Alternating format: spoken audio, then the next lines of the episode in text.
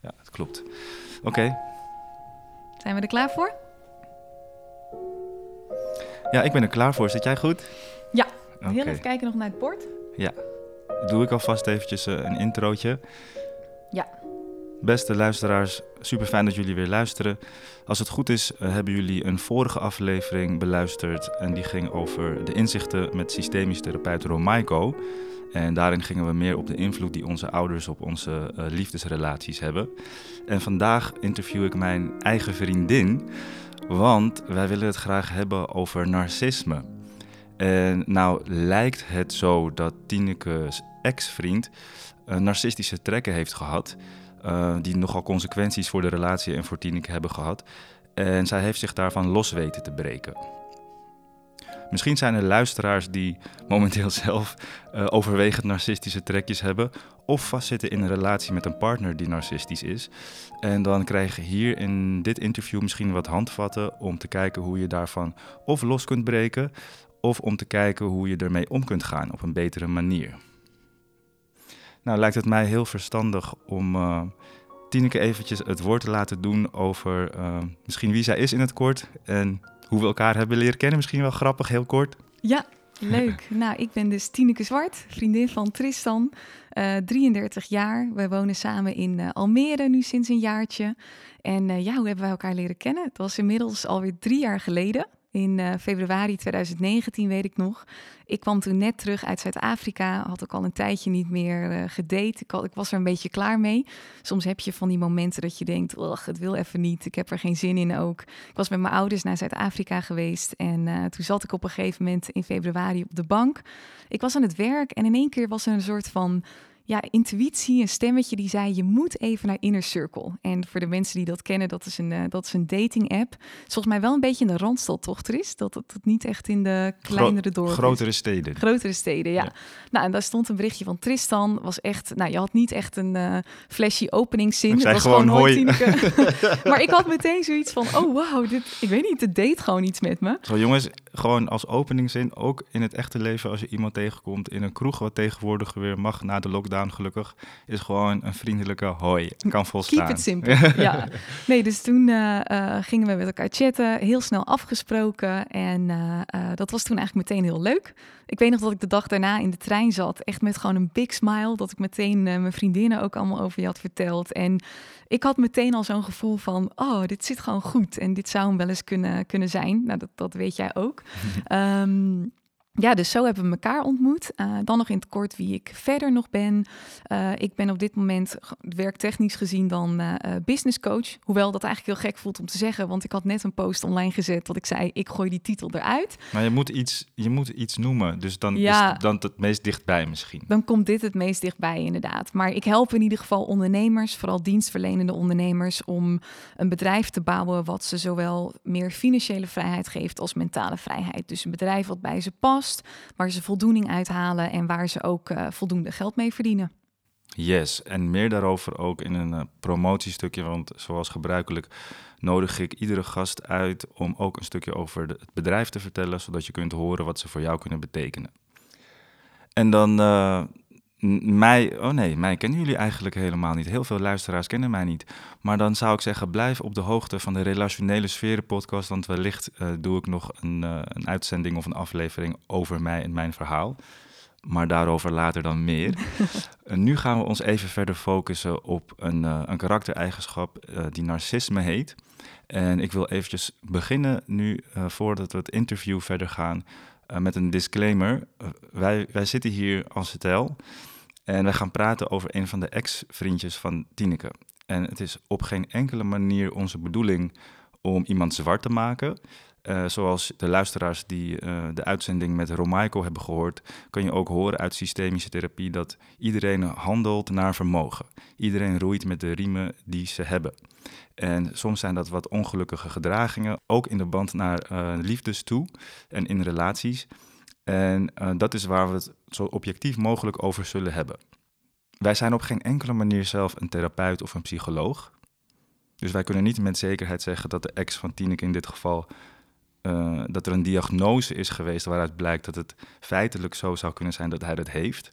Maar na het lezen van meerdere artikelen kan Tineke op haar eigen manier concluderen dat er veel overlap is geweest. En daar gaan we nu over uh, praten. Um, misschien dat jij een stukje kan vertellen over uh, wat is narcisme en ook over de statistieken. Ja, Zeker. Ik pak heel even mijn laptop erbij, want uh, daar stond een artikel. Um, op die manier kwam ik er eigenlijk ook achter. Want weet je, toen ik in die relatie zat, was ik daar helemaal niet zo bewust mee bezig of zo. Ik was toen zelf sowieso ook nog niet zo bewust bezig met met, ja, met dat soort labels en weet ik het wat allemaal. Maar toen kwam ik later een artikel tegen. Volgens mij was het dit artikel wat ik er nu bij pak. En toen viel alles op zijn plek.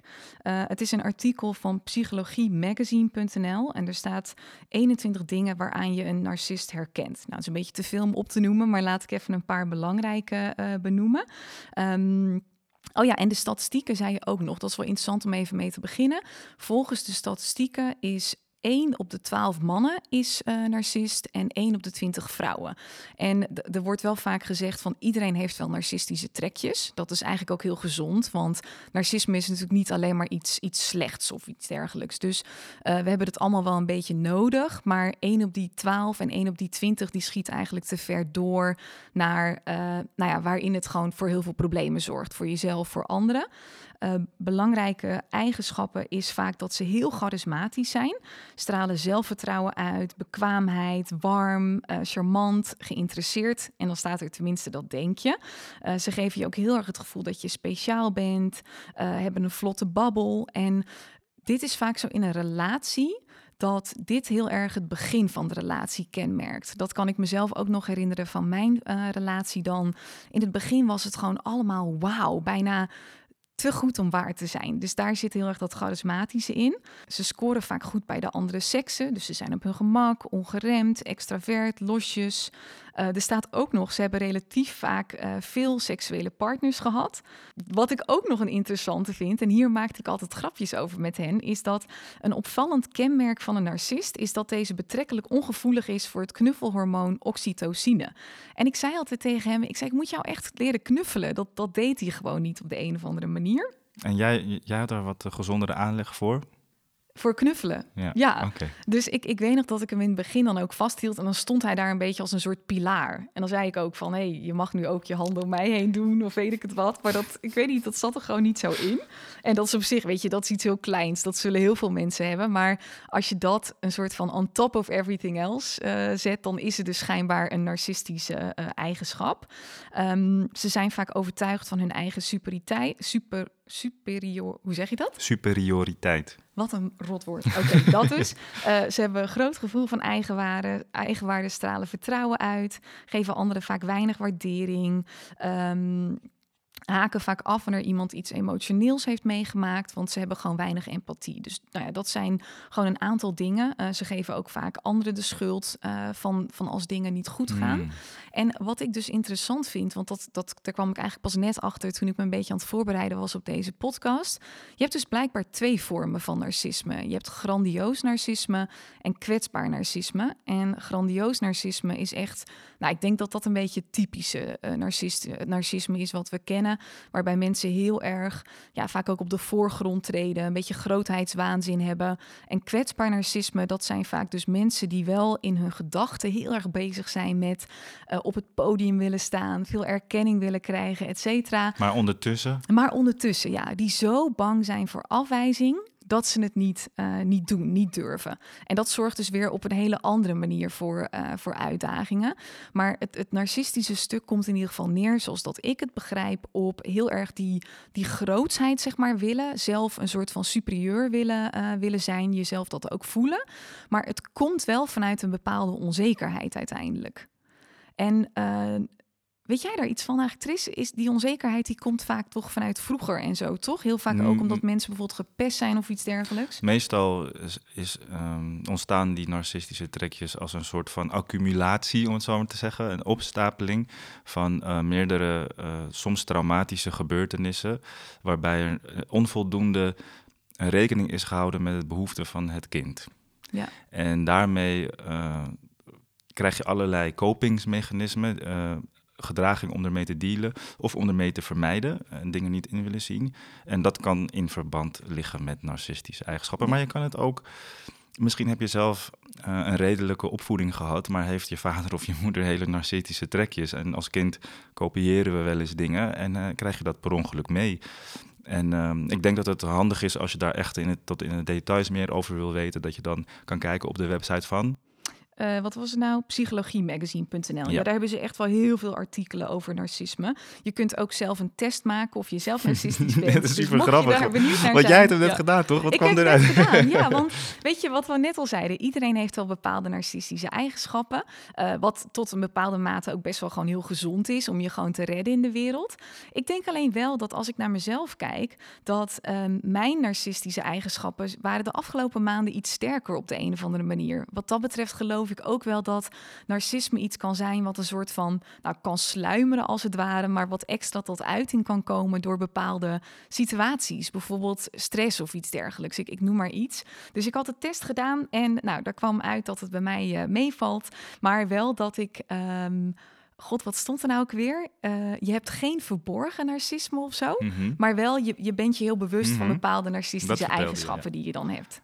En die ja. dan op een bepaalde manier tot uiting komen en waarvan jij ook zoiets hebt van daar kom ik gewoon voor uit en dat is zo. Ja, en dat vind ik prima. En uh, goed, er zijn natuurlijk wel bepaalde dingen, want dat weet je natuurlijk ook. Vorig jaar sloeg ik dan zelf wel een beetje door in een, uh, in een aantal dingen ook. En nou zet ik mezelf wel heel erg op de eerste plaats en ging ik gewoon heel erg steeds streven naar meer, meer erkenning en weet ik het wat allemaal. En daarin heb ik nu wel aan de rem getrokken. Dus, dus weet je, ik, ik ben me bewust van het feit dat ik daardoor heel erg getriggerd kan worden.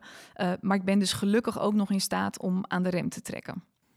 En wat voor veel mensen ook werkt, is dat er in een relatie aan de rem getrokken kan worden. Want als je alleen bent ja. en je hebt deze neigingen en er is niemand die van dichtbij een spiegel kan voorhouden van hé hey joh, misschien moet je eens even hier naar kijken, dan uh, kan je erin blijven hangen. Ja. En als dat jou heel veel oplevert in je werk of weet ik veel wat, en je hebt er zelf geen probleem mee, nog vooralsnog eventjes benadrukken, dan is er eigenlijk helemaal niks aan de hand hoef je helemaal uh, niks aan te pakken of uh, voor behandeld te worden.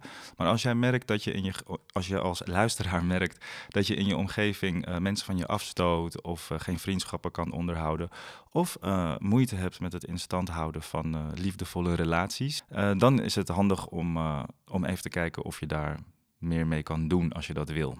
Ja, want weet je wat ik dan wel soms een soort sneu vind? Um, want narcist, narcisten worden, zijn heel vaak dader. Tegelijkertijd zijn ze natuurlijk ook weer slachtoffer. En nou, ik ken er dan zelf inmiddels een paar. En nogmaals, niemand daarvan is echt gediagnosticeerd. Maar ik zie wel bepaalde eigenschappen. En, en ze, ze lopen soms zelf ook zo vast. En, en ze snappen het heel vaak ook niet. Van waarom lukt het nou niet in de liefde? Of waarom lukt het niet met ander soort relaties. En Ze dan... zitten zeg maar in het potje en dat kan dan een bepaalde label krijgen met een bepaalde diagnostiek. Maar als je in dat potje zit, dan kan je niet zien wat er op het labeltje staat. Nee, precies. Dan zie je het heel vaak niet. En dus het, het kan best wel, nou, ik weet je, ik hou ergens niet heel van labels, maar het kan ook wel een soort van helpen van, oh, dus dit is waar ik dan op mag letten, bijvoorbeeld. Ja, een verklaring of een handvat. Hè? En dat je dan, uh, het, zoals ik het vaak zeg, reversed kan engineeren. Van nou, als ik alle stappen terug bekijk en ik stap uit mezelf en ik kijk vanaf een afstandje naar mijn eigen gedrag. Wat zie ik dan? Ja. En uh, dat geeft vaak heel veel antwoorden. Nou, en check sowieso dat artikel ook eventjes. Want ik heb nu echt maar, nou volgens mij waren het een stuk of acht eigenschappen, maar het zijn er 21. Het is een beetje veel voor deze podcast om ze helemaal te doorlopen. Um, maar kijk even wat dan resoneert voor je inderdaad. Ofwel omdat je het bij jezelf herkent, ofwel omdat je misschien wel een relatie hebt met iemand die uh, narcistische eigenschappen heeft, romantisch of in je familie of iets dergelijks. Ja, en dan uh, is dit een hele mooie afkadering geweest. En ik denk dat het heel fijn is om nu jouw persoonlijke verhaal te horen ja. over hoe dat is gebeurd en hoe hij jou heeft ingepakt. En daar gaandeweg uh, pakken we allerlei voorbeeldjes en scenario's waaruit bleek hoe narcistisch uh, het ex-vriendje van Tineke was. Of is misschien, ik weet niet in hoeverre dat veranderd is. En vervolgens uh, gaan we even kijken naar de impact die het op Tineke heeft gehad, maar ook hoe het zo ver kon komen. Hè. We hebben ook een stukje eigen verantwoordelijkheid, wat vaak terugkomt in de relationele sferen podcast. En uh, de duidelijke signalen die er zijn, bespreken we onder andere. En de maskers die hij heeft opgezet en die dan op bepaalde situaties dan weer naar beneden kwamen. En vervolgens gaat Tineke nog verder over de dieptepunten die ertoe geleid hebben dat het tijd was voor verandering. Dus tot zover uh, wat je kunt verwachten. En dan uh, ben ik stiekem ook heel benieuwd, want ik ken niet alle verhalen. en uh, ik ben heel erg nieuwsgierig. En ik zal zeggen, Ja, jeetje, dankjewel. Bijzonder om hier te zijn. Ik zei het vanochtend al tegen jou. We hebben deze podcast ook meerdere keren uitgesteld, omdat ik het stiekem een beetje te spannend vond. het is toch wel een dingetje om met je huidige vriend te praten over je narcistische ex, ook nog waar alle mensen naar kunnen luisteren. Maar goed, waarbij ook, ook, Waarbij ook kwaliteiten besproken worden natuurlijk, hè? Want ja. Eh, er is niks voor niets een liefdevolle relatie ontstaan, een romantische relatie. Nee. Maar ik ben uh, gewoon helemaal benieuwd en ik ga er met open vizier in. Ja, ik ook. Nou ja, en weet je, als we hier ook maar één iemand een inzicht mee kunnen geven of mee kunnen helpen, dan, uh, dan is het het helemaal waard. Yes. Ja, oké. Ehm, waar begin ik? Wij hebben elkaar leren kennen in 2010 in uh, Zuid-Afrika. Hij was ook een Zuid-Afrikaan. Dus uh, daardoor voel ik me ook iets meer op mijn gemak om deze podcast op te nemen. Hij woont ergens in Dubai, spreekt geen Nederlands, dus hij uh, Lekker zal veilig niet zo snel... ver weg. Lekker veilig ver weg, inderdaad.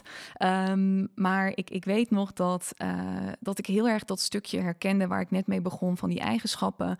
Heel erg dat charismatische. En um, het, het was ook het, het moment dat we elkaar ontmoetten. Ik voelde meteen een soort van de, de uitverkorene of zo. Het super charismatisch, was meteen bereid om een soort van all the way te gaan. Uh, ik, ik wist al vrij snel dat hij heel erg uh, altijd bezig was geweest met vrouwen. Het was echt een beetje zo'n typische player, uh, zoals dat wel gezegd wordt. En hij ging gewoon helemaal voor mij. Dat ik echt dacht, wow.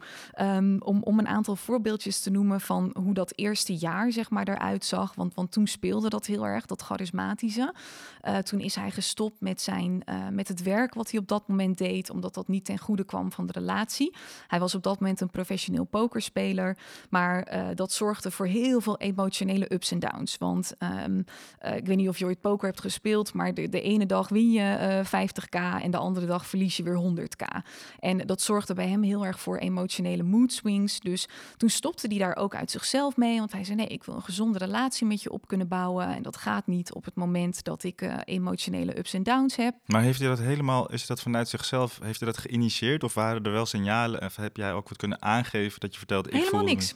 Nee, Nee, want ik ben, nou dat weet jij ook, ik, ik, was destijds ook al best wel gewoon makkelijk als vriendin. En ik ben heel erg zo van, weet je, je moet ook zelf doen waar je gelukkig van wordt. En dan zien we gewoon in hoeverre dat samen goed werkt en, en we sturen wel bij. Maar ik moet eerlijk zeggen, ik had daar nog helemaal niet zoveel last van. Want meestal speelde hij gewoon in zijn eentje poker. Maar hij zei wel van, nou ja, uh, ik, ik heb er zelf last van en, en uh, ik moet me dan soms inhouden als ik bij jou ben. En hij stopte er uit zichzelf mee, waardoor ik dus me dus ja, heel vereerd voelde. En maar hoe merkte jij dat zelf? Ik ga er even iets verderop ja? in hoor. Want wat voor nadelige karaktereigenschappen of consequenties had het voor zijn samen zijn met jou? Nou, dat hij in zichzelf gekeerd was. Dus uh, hij was dan in zijn eentje vaak heel boos. Dus dat hij echt ook met stoelen kon smijten. Is trouwens ook weer schijnbaar een typische eigenschap van narcistische mensen. Dat ze heel erg agressief kunnen worden. Dat is trouwens wel vaak zo bij de mannen. Nou, dat heb ik verder nooit gezien. Hij is ook nooit agressief geweest naar mij in die zin dat hij fysiek handelde of iets dergelijks. Maar hij was dan wel, dan, dan was hij er gewoon niet. Hij, hij zat fysiek in de ruimte, maar hij was met zijn gedachten ergens anders. Dus hij was gewoon niet ja, geïnvesteerd in de relatie. En nou ja, dat, dat had hij zelf ook door. Vandaar dat hij stopte. Ik weet ook nog, en daar kom ik ook voor mezelf opeens weer achter. Dus weet je, jij zegt, oh, ik hoor straks nieuwe dingen. Maar voor mij, ik heb best wel veel weggedrukt, merk ik uh, op de een of andere manier. Het is een road through memory lane voor jou. Ja, uh, hij stopt ook met motorrijden. Want um, nou, hij had best wel wat ongelukken gehad. En hij dacht ook, nou, dat, dat wil ik niet. En ik wil het jou ook niet aandoen dat ik ooit een motorongeluk krijg of iets dergelijks. Uh, hij zou ook eigenlijk naar Zuid-Korea zou die, uh, emigreren. Er was zelfs een of andere vrouw die op hem wachtte en weet ik het wat allemaal. Nou, dat heeft hij ook allemaal geannuleerd. Is voor mij naar Nederland gekomen. En ja, er was eigenlijk van alles waardoor ik echt dacht, wow, deze man gaat echt door het vuur. En dat had ook een positief effect dus op je? Had een positief effect. Jij ja. kon het ontvangen dat hij dat ik, deed? Ik kon het ontvangen, hoewel het ook een beetje awkward voelde. Want voor mij, ik, ik kwam eigenlijk ook net uit de relatie. En het, het ging voor mij allemaal iets te snel. Uh, ik heb op een gegeven moment ook hem een beetje weggedrukt weer. En toen zei hij, toen werd het ook heel erg een soort sprookjesachtig van... No, let's take the leap of faith together. En het was allemaal heel erg, ja gewoon sprookjesachtig. Dat ik dacht, oh ja, let's do this. En hij kon ook heel goed gewoon inspelen op je emoties en samen in dat we gaan ervoor en hoopvol. En ja, dat is ook iets typisch narcistisch dus, dat je heel goed mensen en emoties en zo weet te bespelen. Maar laten we uh, even tussendoor... liet het me ook gebeuren. Ja, en laten we tussendoor ook eventjes... Kijk, als je een romanticus bent en je hoort al deze stappen, wil het niet zo zeggen dat je narcistisch bent. Want zo'n man is ook gewoon gek op jou. En er zit een gezond deel wat, wat jou wil winnen in zijn leven. Ja. Dus, uh, maar het, het, het, het kan dat het overlap heeft met hè, iemand inpakken en charmeren. En, ja. Uh, ja. en ik denk ook op zo'n moment, ik, ik denk helemaal niet dat hij dat super bewust heeft gedaan vanuit het idee, zo, nu ga ik er eens even lekker inpakken, nee. zodat ik uiteindelijk weet ik veel wat Het was geen kwaad plan. Nee, zeker niet. Ik denk niet dat dat met een soort slechte intentie uh, gebeurt. Uh, in die fase waren we gewoon beide super verliefd, was het gewoon heel fijn. Maar dat was wel een soort van, als ik dan kijk naar mijn vorige relaties en ook naar onze relaties, het, het was gewoon zo extreem of zo allemaal. Mm -hmm. um, uh, wat op de een of andere manier dus heel fijn is, want het voelt sprookjesachtig en, en wauw. Maar ergens, ja, pakte dat uiteindelijk dus weer heel anders uit. Mm -hmm. Dus dat, dat was gewoon interessant om, uh, om te merken. Uh, ik zit nog even te denken. Ik, we hebben een bord met notities, dus ik ga heel even kijken wat daar ook nog weer op stond ja, er waren gewoon heel veel opofferingen, heel veel complimenten ook. Wat zei hij dan zoal tegen je? Ja, ik, ik ga eventjes pakken even mijn notitieboekje erbij. Ja. nee, gewoon heel veel. Zijn liefdestaal was heel duidelijk uh, woorden. Dus echt complimenten. En ik weet nog dat ik daar op dat moment best behoefte aan had, omdat het vriendje wat ik daarvoor had gehad, die was veel minder van de complimenten. Ik ben daar zelf ook best wel van, dus dat, dat kwam ook binnen. Ja, gewoon echt elke dag, oh, you're so beautiful, you're so intelligent, you're so this, you're so that, weet je wel. Gewoon dat soort dingen. Uh, tot bijna irritant aan toe. Maar ik was in die fase, ja, ik was twintig. Ik, ik was net voor het eerst in mijn leven ook uh, in het buitenland. Ik was mezelf nog aan het leren kennen. Uh, dat is vaak ook wel zo'n fase dat je nog een beetje onzeker bent. Was je er gevoelig voor? Ik was er gevoelig voor, ja, zeker. Dus uh, op mij had dat toen gewoon heel erg een, een, een bepaald gewenst effect. Ik voelde me er goed door. Maar je, je waardeert het nog steeds, toch, vandaag de dag? Ja, zeker. maar niet, ik denk wel dat als ik nu die hoeveelheid complimenten zou krijgen, zou ik doorgehad. denken, oh man, even kappen nu, weet je wel. Dat is een beetje veranderd. Ja, dus ik, ik, denk dat dat wel gewoon het belangrijkste stukje is van, van hoe dat begon. Dat Ja. het gewoon allemaal heel ja, extreem was. Ehm, op, op wel eigenlijk een goede manier. En ik, ik denk ook, weet je, sommige relaties die blijven dan ook gewoon zo. Of vanuit daar ontwikkelt de relatie zich tot een, tot een ja, gezonde, normale relatie. Of hoe je dat ook maar wilt noemen. Maar bij ons ging dat dus uiteindelijk helemaal de andere kant op. Ja. En ja, dan is het gewoon heel erg jammer. En dan komen we, dit is echt een mooi afgesloten hoofdstukje wat betreft uh, in hoeverre je dan uh, ingepakt wordt en in hoeverre je laat, laat inpakken door zo iemand. En dan komen we op een stukje signalen, want op een gegeven moment is er een, een wat hechtere relatie en is het inpakken voorbij. Um, wat waren de signalen en kun je een omschrijving geven wat betreft omgeving of de plek waar je ging wonen? Want dan komt er ook een stukje isolatie aan te pas. Hoe dat ging en vooral ja, misschien wat voorbeelden waarin je signalen zag. Ja, nou als ik er dan terugdenk, dan waren er eigenlijk altijd wel subtiele signalen. Dus eentje was bijvoorbeeld dat ik wel al vrij snel merkte dat hij moeilijk kon omgaan met de emoties van anderen. Uh, hij begreep gewoon heel veel dingen ook niet. En um, als er dan bijvoorbeeld ook iemand overleed en ik heel verdrietig was, dan dacht hij gewoon, ja, nou de dood hoort er toch bij. Mensen gaan dood. Punt. Weet je wel. Um, echt, echt goede gesprekken en gewoon heel diepgaand over emoties, dat ging eigenlijk al niet. Dus dat had ik al wel vrij snel uh, door. Ook een bepaalde grootheidswaanzin. Dus een van de dingen waar Tris en ik vaak om moeten lachen is... zijn wachtwoorden waren bijvoorbeeld nou, zijn naam en dan is God. Dus voornaam is God. Stel dat ik een paswoord en... heb met Tristan is God. Ja, oh mijn god, dat ik echt dacht... oké, okay, nou deze, deze man die heeft wel een gezonde dosis zelfvertrouwen. Dat, ja, dat ik is wil je net eerste zeggen, gedachte. Als je, ik kan me best voorstellen als het een overlevingsstrategie is... en iets, iets, dat het iets is wat werkt. Dat je zegt van, ik ben de enige die op mezelf kan rekenen. Ik ben degene die mezelf moet redden in het leven. Dat dat een vergevorderde manier is om, uh, om ermee om te gaan, ja. Ja, en weet je, tegenwoordig zijn we zo bezig ook met affirmaties en dingen zeggen tegen Misschien is jezelf dat als, voor hem. ik ben succesvol en ik ben dit. En ik dacht destijds ook, oké, okay, nou prima. Uh, en ik je, ben God. Ja, en kijk, het, het, is achteraf gezien heb je makkelijk praten. Nu denk ik gewoon in, in, in het grotere plaatje, denk ik, oh ja, dat was eigenlijk ook al wel een beetje, uh, een beetje typisch. Uh, dus dat, dat waren in het begin gewoon van die hele kleine signaaltjes. En ik merkte dat, uh, dat de signalen eigenlijk steeds meer werden op het moment dat, um, dat we eigenlijk in 2015 naar het buitenland gingen verhuizen. Uh, dit schijnt dus ook vaak iets te zijn wat narcisten dan doen. Die proberen je op een gegeven moment een soort van te isoleren van je vrienden, van je familie. Nou, en dat heeft hij trouwens helemaal niet zo heel bewust gedaan hoor. Want ik, ik wilde zelf ook naar het buitenland en dat leek me gewoon een heel vet avontuur. Ik merkte alleen wel dat in die fase dat zijn gedrag gewoon heel snel veranderde. En ik denk niet dat dat alleen kwam doordat hij toen mij in een soort van isolement had helemaal niet. Uh, maar dat dat ook kwam omdat we destijds een, een, bedrijf hadden wat enorm snel groeide. En wat gewoon enorm veel druk uh, legde op hem, op onze relatie, op mij als persoon. En dat soms kom je in bepaalde situaties, dan komen bepaalde karaktereigenschappen gewoon veel meer naar, uh, naar voren. Dat was bij hem ook zo. Dat was eigenlijk toen echt het moment dat hij me heel erg ging domineren. Dat de complimenten ook heel erg veranderden in complete tegenovergestelde. Dus veel meer gewoon ook woede aanvallen uh, richting mij. Uh, op dat punt was ik ook al een beetje aan het wegglijden. Dus dat ik graag terugging naar Nederland bijvoorbeeld. En dan meteen al wat langer ging. Om ook even met familie en zo te kunnen zijn. En uh, dat hij dan daarom ook een soort van boos werd. En... Eventjes uh, tussendoor voor de beeldvorming. Sorry dat ik je onderbreek. Um, wat waren die externe factoren waar dat zo kwam volgens jou? Ja, externe factoren, het bedrijf vooral de, de druk daarvan, maar ook de juiste potentie ervan. Want hij had altijd als droom: ik wil miljonair worden. En zijn eerste doel was 1 miljoen verdienen. Nou, dat was in zijn hoofd helemaal het idee van: nou, dan heb ik het gemaakt, dan ben ik een soort van veilig. Hij kwam uit armoede. Maar met dat hij die, dat miljoen haalde, wilde hij 2 miljoen, wilde hij 4 miljoen. Nou, en dat ging maar door, door, door. Want er was altijd wel iemand succesvoller dan hij. En dat kon hij niet uitstaan op de een of andere manier. Dus uh, op een gegeven moment kwamen wij ook in een soort bubbel terecht met allemaal super succesvolle mensen.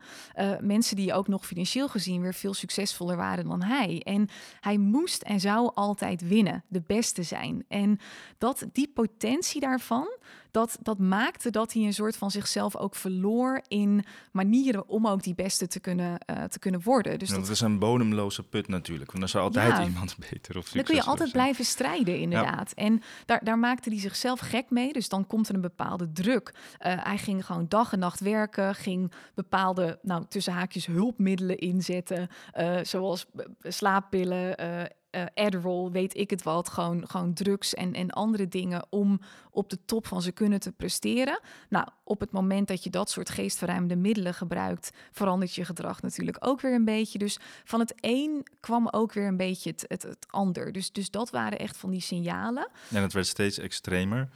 Ja. Uh, en heb je ook nog een paar concrete voorbeeldjes, zoals met stoelen gooien en woede-uitbarstingen en de complimentjes veranderden in uh, sneren? Ja. Ik weet nog op You're the worst moment, entrepreneur ever. Ja, dat is wat ik wilde noemen, inderdaad. Uh, op een gegeven moment kreeg hij ook steeds meer ruzie met, uh, met, met de mensen die dicht bij me stonden, vriendinnen. Uh, ik, ik weet bijvoorbeeld nog, één keer was een van mijn beste vriendinnen was bij ons in Zuid-Afrika. En we hadden die ochtend eigenlijk een soort teammeeting met het bedrijf. Ik had alleen al gezegd van ik ben er niet bij, want Leonie, mijn vriendin is hier, hier nog. En op dat moment, hij was dat vergeten of zo, die dag dat dat zou gebeuren. En, en toen schoot, dat schoot hem ook weer in het verkeerde keelgat dat ik hem daaraan herinnerde. En toen schreeuwde hij ook, you're the worst entrepreneur ever. En weet ik het wat allemaal. Uh, op een gegeven moment werden er ook steeds meer dingen gedaan zonder met mij te overleggen. Ik weet nog toen we in Zuid-Afrika woonden, toen werd me opeens medegedeeld van, oh, mijn zusje komt ook bij ons inwonen dat ik dacht, oké, okay, uh, weet je, familie altijd welkom. Nou, bespreek het even Ja, dan. maar bespreek het eventjes. Of dat we op een gegeven moment een... Um, een nieuw huis moesten zoeken. Dat was tijdelijk. En dat hij opeens al een huis had geregeld voor een maand zonder met mij te overleggen. Terwijl ik daar ook gewoon aan bijdroeg. En nou, weet je, ik, ik ben misschien een beetje een diva. Ik hou wel van een beetje luxe in ieder geval, dat weet jij ook. Maar dat was gewoon echt een soort bunker. Ik, ik heb geen idee, nog steeds niet, tot op de dag van, van vandaag, waarom die dat had gehuurd. Het was een heel donker huis ook. En toen zei ik, ik, ik was daar gewoon ook niet zo blij mee. En toen ging hij ook tegen me schreeuwen van, you're such a diva, you're spoiled, en weet ik het wat. Dat ik dacht, maar ik mag toch in ieder geval wel een soort zeggenschap hebben in het huis waar we Je mag op zijn minst vragen, hoe motiveer je de, deze woning? Ja, maar, en, en weet je, je, nu, nu kan ik dat wel allemaal bij hem neerleggen. Ik, ik stond het ook toe. Ik, ik liet het ook steeds gebeuren. Ik, ik wuifde heel veel dingen weg dat ik dacht, ugh, laat maar. Of het is maar gewoon een woede-uitbarsting. Ik neem het niet te serieus. Nou. Waardoor ik ook dus ruimte creëren voor, voor dat soort gedrag. Ja, en dat is dan even een mooi hoofdstukje nu, na de signalen. Uh, het stukje eigen verantwoordelijkheid. Want een narcistisch persoon die kiest bewust voor een bepaald type persoon. Ja. In dit geval jij. Wat voor karaktereigenschappen had je waarschijnlijk toen rond die leeftijd, waardoor Welke, Heb je honger? welke karaktereigenschappen had jij waarschijnlijk rond die leeftijd, waardoor een narcistische persoon dacht van, hmm, daar kan ik lekker mee aan de slag? Ja, ik denk dat um, ik was nog vrij onzeker op dat punt. Um, ja, weet je als, je, als je twintig bent, dan sta je een beetje midden in het leven, maar ben je ook nog aan het ontdekken wie ben ik en wat wil ik. En dan twijfel je ook gewoon over best wel dingen. En hij bevestigde me enorm in, uh, in dat stukje. Dus, dus daar was ik gewoon heel vatbaar voor. Ik was ook iemand die gewoon heel makkelijk is. Uh, ja, dat, dat ben ik eigenlijk nog steeds wel. Ik vind dat ook wel een bepaalde kracht. Maar op dat punt was het wel een beetje ongezond. Dat ik gewoon heel veel accepteerde, heel veel tolereerde. Uh, en ik zat op dat punt ook nog meer dan dat ik nu zit, in een soort reddersrol ook. Dus ik, ik uh, ging ook heel graag om met mensen die je kon helpen. En waar, waar denk, kwam dat, mag ik vragen waar ja. dat vandaan kwam? Ja, ik denk dat dat vroeger al in me heeft uh, gezeten. Dus grenzen waar was je niet zo goed in? Nee, zo grenzen stellen en niet. iemand waarvan je constateert dat hij misschien niet helemaal oké okay is, willen helpen. Iemand willen helpen, ja. Dus ik, ik bleef ook gedurende die hele relatie eigenlijk een beetje in de reddersrol Want zitten. als je dat niet deed? Ja, ik denk dat ik dan ook een soort van de waarheid onder ogen moest zien. En, en dat ik daar gewoon op dat punt ook niet klaar voor was. En dat je dan uit elkaar moest en dat... ja, en dat was gewoon nog te was. spannend. En, en uh, dan, dan liet ik iemand in de steek waar ik op dat moment heel veel van hield ook. Uh, en dan moest ik ook zelf, want op een gegeven moment had ik ook een soort van, waren onze levens zo geïntegreerd met elkaar, dat ik eigenlijk alles had opgegeven. Dus mijn, mijn baan had ik opgegeven. Ik heb met heel veel plezier in loondienst gewerkt. Uh, mijn woning in Amsterdam, weet je, de, de, de stabiele basis. En ik, ik durfde het ook gewoon nog niet op te geven. Dus ik ging op een gegeven moment ook een soort vanuit ignorance is bliss door die hele relatie heen. Ja. Ja, en, en continu, en, en dit zul je herkennen als je zelf in zo'n soort relatie zit of hebt gezeten. Continu een soort hoop van, maar ik heb ooit een andere versie van je gezien. Ik, ik weet dat die daar ergens binnenin zit. Waar ben je? Kom Waar terug. ben je? Kom ik terug. weet dat je het en, kan. Ja, en, en vanuit mijn uh, uh, behoefte om mensen dus te redden, ook continu denkend en hopend van, maar, maar ik, ik kan je er weer uithalen. Het komt goed, weet je wel. Uiteindelijk gaan we elkaar weer vinden op de een of andere manier. Maar het werd alleen maar erger. Het werd alleen maar erger, ja. En ik denk dat dat ook belangrijk is om te beseffen als je er nu binnenin zit en, en je herkent heel veel van wat ik zeg. Uh, ik heb echt te lang gehoopt dat het beter zou worden. Maar uit ervaring weet ik inmiddels, ook vanuit verhalen van anderen en wat ik erover heb gelezen, dat nou 99 van 100 keer wordt het alleen maar slechter. Dus dan is dat, als je daar jarenlang in blijft zitten, is dat valse hoop. Valse hoop, inderdaad. En ik denk dat het, hoe langer je het laat duren, hoe moeilijker het is om eruit te stappen. Als je ergens al voelt dat je eruit wilt stappen. Al helemaal als je niet de kwaliteiten hebt om met regelmaat grenzen te stellen en iemand te containen in Nee. zijn gedrag, want dan krijgt het vrij spel. Precies. Ja, en uh, weet je, sommige mensen die zullen misschien floreren in zo'n relatie. Ik wil het ook niet per se veroordelen of iets dergelijks, maar uh, ik, ik, ik denk dat je dan ook niet naar deze podcast had geluisterd. Nee, en je moet ook voor jezelf als mens in elke situatie jezelf af kunnen vragen: in hoeverre is dit oké? Okay? Dus, Ja. dus naast de dingen waarbij jij teleurgesteld of verdrietig of aangeslagen voelt, ook van buitenaf naar de situatie kunnen kijken met z'n tweeën. En in hoeverre is dit oké wat hier gebeurt? Ja, precies. En ik weet nog dat ik op een gegeven moment ook, um, ik werd zelf ook zo enorm onder druk gezet en ik, ik liet dat ook weer gebeuren. Ik kan me nog een voorbeeldje herinneren dat we op een gegeven moment ook een tijdje, we hebben lang samengewerkt en toen uh, moest er ergens een presentatie worden gegeven voor echt 2000 man. En toen had hij me daar gewoon voor aangemeld, ook zonder overleg dat ik echt dacht, ik weet nog dat ik toen zelf op een gegeven moment ook flipte en echt zei van, you're my boyfriend, you're supposed to like protect me, but you're giving me a burn-out, weet je wel? Mhm. Uh, Echt dat soort, dat soort dingen. Dus ik, ik, ik ging mezelf ook steeds minder leuk vinden in die Mm. relatie. Hm. Ook door de manier waarop je ermee omging. Dat je achteraf in situaties dacht van waarom ben ik. Ik voel me niet goed met de manier waarop ik daarmee omgegaan ben. Ja, dus aan de ene kant door het gedrag wat hij richting mij vertoonde. En ik het op een gegeven moment het idee had dat ik gewoon niks meer goed kon doen. Weet je, hij, hij werd al woest als ik alleen de cola was, uh, was vergeten. Maar ook omdat ik het zelf liet gebeuren de hele tijd. En ik gewoon niet trots was op de vrouw die ik op dat moment was. En ook tegen me liet schreeuwen op het moment dat ik, dat ik de cola was vergeten. Dat ik dus gewoon ook vanuit twee perspectieven gewoon ging denken... Jezus, tien, Waar ben je mee bezig? Nou, dus je ging bijna geloven wat hij jou aan het voeren was, zeg maar. Ja, op een bepaalde manier wel. En weet je, ik hou van een uitdaging ook. Kan, kan zelf ook best perfectionistisch zijn. Dus op de een of andere manier zag ik het volgens mij destijds ook van... oké, ik ga gewoon mijn best doen om die perfecte vrouw te zijn. En nu ben ik inderdaad de cola vergeten. Maar de volgende keer zal ik dat niet doen... en zal ik zelfs iets extra's meenemen. Ja, echt koekoek hoor. Um, maar, maar er was altijd wel iets nou, dat zijn een paar heldere voorbeelden wat voor een impact het op jou zelf heeft gehad als mens. Hoe zag je uh, wat voor impact het had op zijn eigen persoonlijke omgeving of directe omgeving? Nou, ik heb sowieso een heel concreet voorbeeld van uh, zijn jongste zusje. Uh, ik deelde dat uh, eerder in het verhaal ook al, dat zij op een gegeven moment bij ons kwam wonen zonder overleg. Uh, super lief mens trouwens hoor. We konden heel goed met elkaar opschieten en dat was ook helemaal geen probleem. Ik weet alleen dat nadat het uitging, is zij ook nog langere tijd voor hem blijven werken. En ik merkte toen gedurende onze relatie al wel steeds meer dat hij tegen haar ook steeds vaker ehm, ja, eigenlijk gewoon flipte. Dus boos werd of uh, te veel van haar verwachtte. En ik weet nog dat ik op een gegeven moment, en dit was, nou, ik weet het niet meer precies. Het was een jaar of twee jaar nadat het tussen ons al uit was, dat ik contact nog met haar had. En uh, uh, dat zij op een gegeven moment mij ook appte van, hey team, um, ik ben ook uit de business gestapt en ze zei het dan in het Engels, dat is natuurlijk een Zuid-Afrikaanse uh, dame. En toen schreef ze ook van, uh, it, it was most, one of the most challenging things to do, but I knew if you could do it, that I could do it too. Uh, dus zij heeft toen eigenlijk helemaal mij in gedachten gehad van als, als Tineke eruit heeft kunnen stappen, als die het tot een einde heeft kunnen brengen, dan, dan kan ik het ook. En wat me wel heel erg raakte, um, is dat zij, uh, toen we haar in dienst namen, want zij werkte ook voor die business die wij samen hadden opgebouwd. En op een gegeven moment gewoon voor hem, want hij deed ook steeds wel andere dingen. Uh, zij werkte daarvoor bij een grote consultancy, bij uh, Accenture heette dat geloof ik in Johannesburg. Nou, en dat vond ze echt een verschrikkelijke baan. Ze zag er ook steeds slechter uit, weet ik nog in die periode. Nou, toen kwam ze voor ons werken, dat ging eerst prima. En op een gegeven moment ging dat dus steeds slechter dan. Maar toen was ik al weg. En toen bestond die hele business trouwens ook niet meer hoor. Dus toen deed zij hele andere uh, dingen voor mijn ex dan. Um, maar toen is ze uiteindelijk, nadat ze dus gestopt is, is ze weer in dienst gegaan bij Accenture.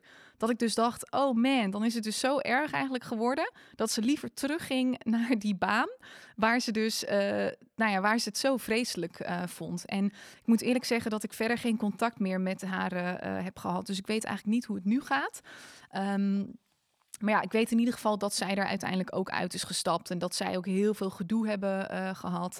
Uh, maar in zo'n Indische familie is het vaak wel zo dat heel veel dingen een beetje nou, zo voelde dat voor mij toen. Het, het werd een beetje onderdrukt. De, de, de mannen worden daar heel erg op een voetstuk geplaatst en, en heel erg verzorgd en aanbeden. Uh, dus ik, denk dat hij sowieso in de ogen van zijn moeder nooit echt iets fout kon, uh, kon doen. Uh, zijn vader was, was meer met andere dingen zo bezig. Super lieve mensen trouwens verder hoor. en, en zijn andere zusje, dat, dat weet ik even niet. Dat kan ik niet zo goed inschatten. En wat betreft, ze komen uit dezelfde familie, het gezin, het zusje en uh, je ex. Ja. Had zij bepaalde narcistische trekjes bijvoorbeeld? Nee, eigenlijk helemaal niet. Eerder dan uh, kwetsbaar narcisme dan grandioos narcisme. Als er al sprake was van narcisme. Maar dat heb ik eigenlijk nooit gemerkt. Ja. En dan uh, maak ik zelf meteen al een bruggetje van, nou ja, goed, je werd dan uh, bij wijze van, van spreken het podium opgetrapt. en uh, ga je ding maar doen en je praatje doen. Maar dat is wel ook een soort van ultieme les in, in extremiteiten wel. Maar van, nou ja, ga leren presenteren. Je wordt meteen in het diep gegooid. Klopt. Ja, dus weet je, um, uh, ik ben wat dat betreft, ben ik hem dus ook altijd heel dankbaar. Ja, we willen niet te snel natuurlijk naar de silver lining gaan. Uh, dingen kunnen echt jaren heel kut en vervelend en heel stom zijn. En kunnen hele impactvolle dingen zijn. Waar je verdrietig of boos of teleurgesteld in kan en mag zijn. En dat mag je zo ervaren, zolang als je dat zelf wil. Ja. En wanneer die periode voorbij is, dan komt er iets anders. Precies, ja.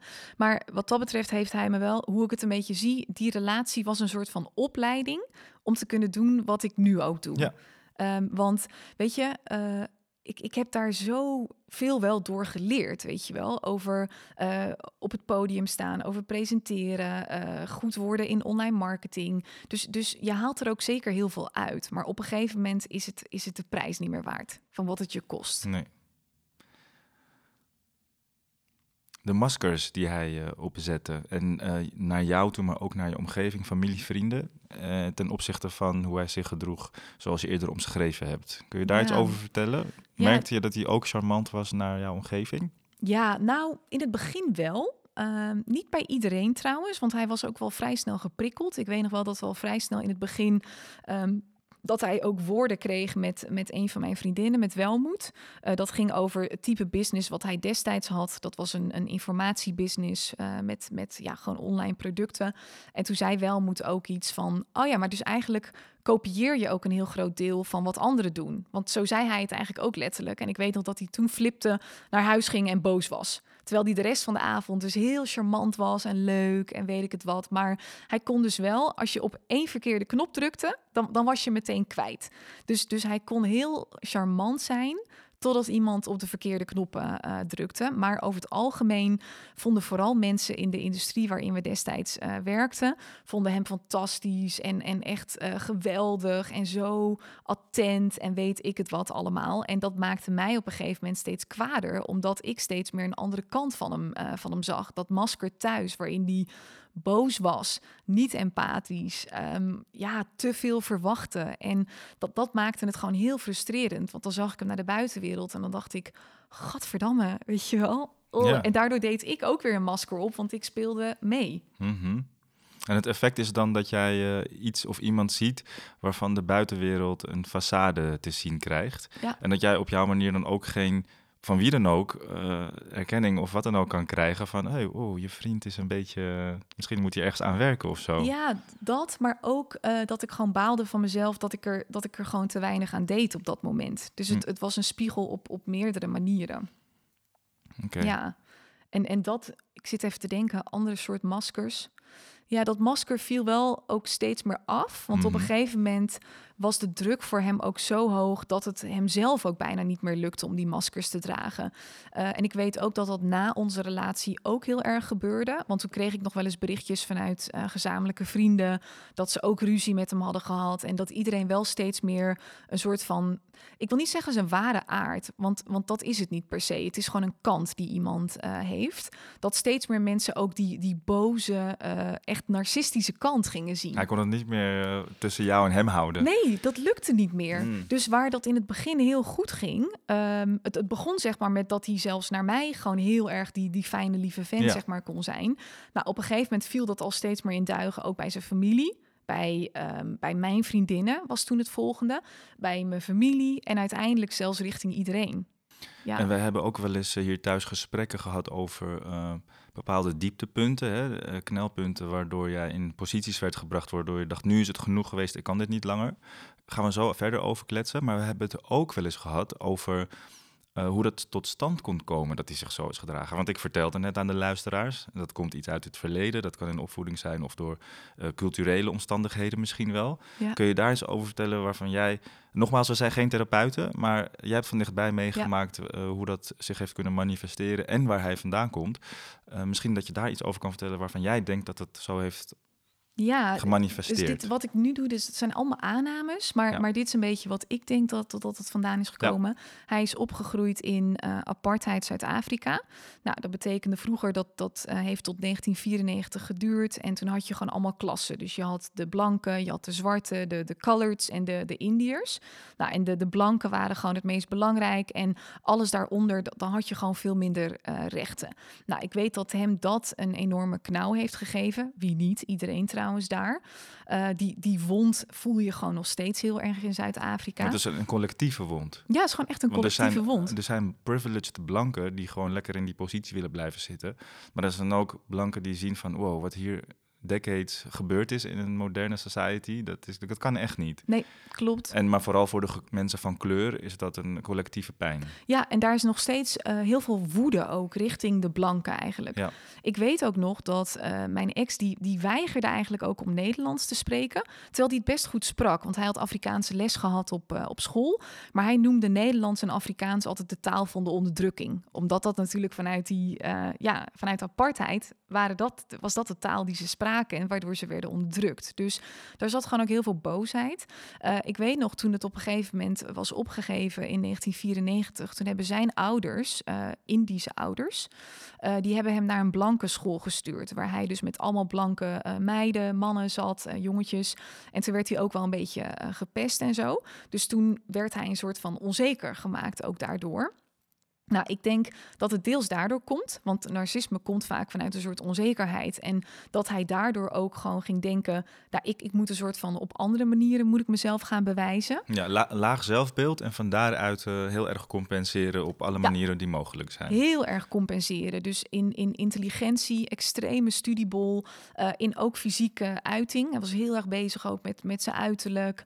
Uh, zakelijke prestaties. Zakelijke prestaties, gewoon alles. Financieel financieel, gewoon op alle mogelijke uh, manieren. Ik denk ook dat hij weinig erkenning kreeg van zijn vader. Uh, die die ja, had altijd gewoon een bepaald beeld van hem, van hoe die zou moeten zijn. Uh, het was nooit goed genoeg. Ik weet ook nog dat ze op een gegeven moment twee jaar geen contact hebben gehad, omdat die vader wilde dat hij arts zou worden. Dat mm -hmm. wilde hij niet. Mm -hmm. Nou, toen hij ook nog zijn baan ging opzeggen als... Uh, hij was op een gegeven moment God, wat deed hij? Hij werkte ergens bij een zorgverzekering of zo. Ik kende hem toen nog niet. Uh, dat heeft hij opgezegd om te gaan ondernemen. Nou, toen was zijn vader woedend. Uh, heeft twee jaar ook niet met hem gepraat. Dus ik, ik denk dat daar ook een soort van die behoefte aan erkenning uiteindelijk vandaan kwam. Ja, niet geaccepteerd worden, niet gezien worden door ja, je vader. Klopt. En juist het tegenovergestelde door zijn moeder. En uh, ik las net in een artikel dat narcisme daardoor ook geprikkeld kan worden. Dat je dus dusdanig veel complimenten en aandacht hebt gekregen van een ouder of beide ouders. Dat je ook gaat geloven dat je een soort superieur bent. Want zijn moeder zei altijd van. Uh, uh, nou, zij zei het dan in het Engels ook van, oh, you're the smartest in the world, you're amazing. En die prees hem helemaal de hemel in. En dat heeft hem heel goed geholpen, want daardoor kreeg je dus gelukkig ook een bepaalde vorm van zelfvertrouwen. Maar ik denk wel dat die combinatie een soort van, nou ja, destructief is geweest uiteindelijk. En uh, het, het nou ja, grappige, ik wilde zeggen grappige, het is echt totaal niet grappig. Maar wat je dus ook ziet vanuit dat. Um, hij is dus opgegroeid in apartheid. Hij werd gepest vroeger door blanke vrouwen. Op een gegeven moment ging hij in onze relatie dan ook heel veel vreemd. En ik, ik weet dat hij daarna ook gewoon een beetje een soort nou, slettenperiode heeft gehad, laten we het zo zeggen. Uh, en toen kwam ik op de een of andere manier in contact met ook een aantal dames met wie hij dan iets had gedaan. En die zeiden allemaal dat hij uh, echt heel boos op ze was geweest. En dat het totaal ook niet liefdevol was geweest. En dat hij, dat zei hij later zelf ook nog een keer, dat hij ook echt boos op ze was. En dat hij meer een soort van met ze naar bed ging vanuit, ik zal je eens laten zien wie nu de baas is, weet je wel. En vroeger pestte jij mij en nu own ik jou. Hij was dus ook echt een soort van woedend op die blanke vrouwen, dat ze hem vroeger pesten om wie die was. En dat ze hem toen op dat moment, op een gegeven moment was hij heel rijk, juist En ik, ik snap ook dat dat een soort mindfuck is natuurlijk. Maar ja, goed, dat geeft je nog steeds niet het recht om vrouwen dan maar heel slecht te behandelen. Maar eh, daar komt wel een deel van zijn gedragspatroon, dus denk ik, vandaan. Wat zou dat nou eventjes, als ik me nu even in dit kleine voorbeeld verplaats in die vrouwen. Jij komt niet zelf uit een cultuur van apartheid, daar ben je niet in opgegroeid. Maar als jij je kan verplaatsen als vrouw in zo'n vrouw, wat is er dan aantrekkelijk aan een man die van kleur is en succesvol is? Ja, ik, ik denk dat er zijn gewoon heel veel vrouwen, en misschien generaliseer ik nu een beetje, maar in Amerika vooral, uh, waar hij heel veel was en nog steeds ook is. En daar is geld en status en macht is gewoon heel, uh, heel belangrijk. helemaal los van kleur. Ja, het is gewoon los van kleur. En ik denk ook dat sommige vrouwen, ik bedoel, ik heb dat zelf ook. Uh, sommige vrouwen die hebben ook gewoon iets met, met Indische mannen. Of met, weet ik veel. Een voorkeur, een simpele een voorkeur, voorkeur, dat precies, kan. Ja. ja. En, en uh, hij was ook gewoon uh, gespierd en weet ik het wat. Dus hij was een prima verschijning wat dat betreft. Dus ik denk dat voor heel veel van die vrouwen was het een soort van, leek het een soort all-in-one package. Nou, ondertussen werden ze gewoon ingepalmd voor een angry fuck. Ja, angry fuck. ja, nou ja, zo kwam het wel over in ieder geval. Ja. Ja, Heftig. Ja toch? En jij, jij En ik- kwam ik denk Hoe kwam jij erachter? Als ik vragen mag over al die affaires. Nee, maar hoe weet ik dat? Omdat op telefoon. een gegeven moment, eh, blijkbaar, toen was het al uit tussen ons. Hè? Op een gegeven moment kreeg ik berichtjes van een aantal van die vrouwen. Die zeiden, ja, en die, die ex van jou, die praat de hele tijd over je. En eh, eh, jullie moeten bij elkaar terug. En weet ik het wat. Zij ging op de een of andere manier dan, dan mee bemoeien. Ik denk dat ze ook een soort van nieuwsgierig waren geworden van, nou, wie is die chick dan? En dat ze een soort van contact met me wilde. Eh, en blijkbaar deelde hij het ook zelf wel met een aantal van zijn vrienden. Eh, en die vrienden, ik was op in die zeven jaar tijd, was ik ook heel close geworden met zijn vrienden. Dus zij vertelden het weer aan mij. En op een gegeven moment zijn er ook een aantal vrienden geweest die een soort van aan de alarmbel hebben getrokken bij mij. Eh, want op een gegeven moment was er ook heel veel kookgebruik en weet ik het wat. En toen kwam dat verhaal, maar ook het verhaal van die vrouwen en weet ik het wat allemaal. Maar ik heb mijn handen ervan afgetrokken toen. En Dat was eigenlijk het dieptepunt toen je daarachter kwam over al die vrouwen. Nee, want toen was het al uit. Dus dit was nog daarna. En wat was de, voor jou de aanleiding en het opbouwen daar naartoe om te zeggen van nu is het klaar? ja, alles wat in de relatie al gebeurd was. Dat ik op een gegeven moment achter kwam hoeveel die was vreemd gegaan. Eh, de boosheid richting, eh, richting mij. Maar niet alleen richting mij. Want dat vond ik ergens nog... Nou, dat was ook heel fucked up om te denken hoor. Maar tot daaraan toe.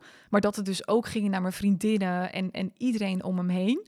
Ehm, ja, de, dingen die hij tegen me zei en, en hoe onveilig ik me eh, voelde dat ik mezelf was verloren, dat was uiteindelijk het dieptepunt. Ehm, en van daaruit heb ik het uitgemaakt. Maar ik bleef een beetje in die reddersrol. Dus ik heb hem toen niet in één keer helemaal losgelaten. Wij, wij bleven ook een beetje contact houden en zo. En op een gegeven moment ging het wel dusdanig ver. Eh, hij ging ook dreigen met dat hij zelfmoord ging plegen. Nou, dat legde weer een enorme druk op mij. Dat ik dacht, ik, ik moet echt helemaal hieruit. Want dit is zo toxisch.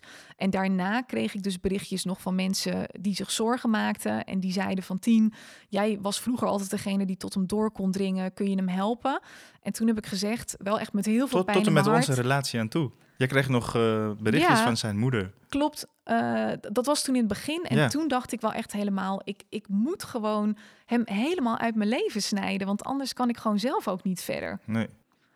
En, en ja, weet je, ik weet niet wat er dan gaat gebeuren. Ik, ik ben heel lang bang geweest dat ik op een gegeven moment een telefoontje zou krijgen van... hey, hij heeft zelfmoord gepleegd Nog of hij is steeds. door een overdosis is hij Daar ben je overleden. nog steeds bang voor, ik toch? nog steeds wel eens een, een, een soort angst. Maar ik weet nu wel dat hij, eh, dat hij weer een vriendin heeft. En nou ja, dat geeft me op een bepaalde manier een soort wel rust of zo. Dat ik denk, oké, nou, volgens mij is het prima. Maar en, en ik heb me er ook wel gewoon van gedistanceerd, weet je. Het is, het is, het is klaar. Ja. Maar ja, dat betekent niet dat als het zou gebeuren, zou me dat natuurlijk wel raken. ja.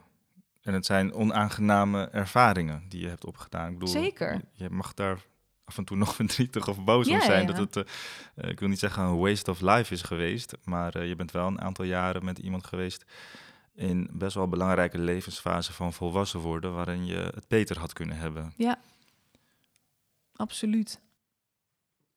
Ik zag nog Ja. eventjes een heel klein voorbeeldje van een tas. Oh ja, die hebben we nog niet gehad. Want ik ben zelf helemaal niet thuis in de, in de brands en luxe dure tassen, maar er was Nee. iets specifieks. Ja, met een tas. Man, toen was het al, eh, toen ging het al wel heel slecht. Eh, ik was jarig in november en eh, wij woonden op dat moment in Zuid-Afrika. En hij wist dat ik altijd fan was van één specifieke tas, een Celine tas. Nou, als luisteraar ken je die misschien wel. Dat zijn hele dure tassen, zien er ook heel typisch uit. Eh, mensen die een beetje fan zijn, die herkennen dat die tassen meteen. Een uniek design. Uniek design. En waar, volgens- ja, waar staat het merk voor? Wat- ik heb geen idee. Ik weet alleen dat ze mooie tassen eh, hebben. En die tassen die zijn echt tussen de... Nou, volgens mij begint het een beetje bij 2000 euro... tot volgens mij 10.000 euro. Slaat echt nergens op. en ik weet nog dat ik op een gegeven moment... had ik zelf een soort nepversie eh, gekocht van die tas. Was in Turkije.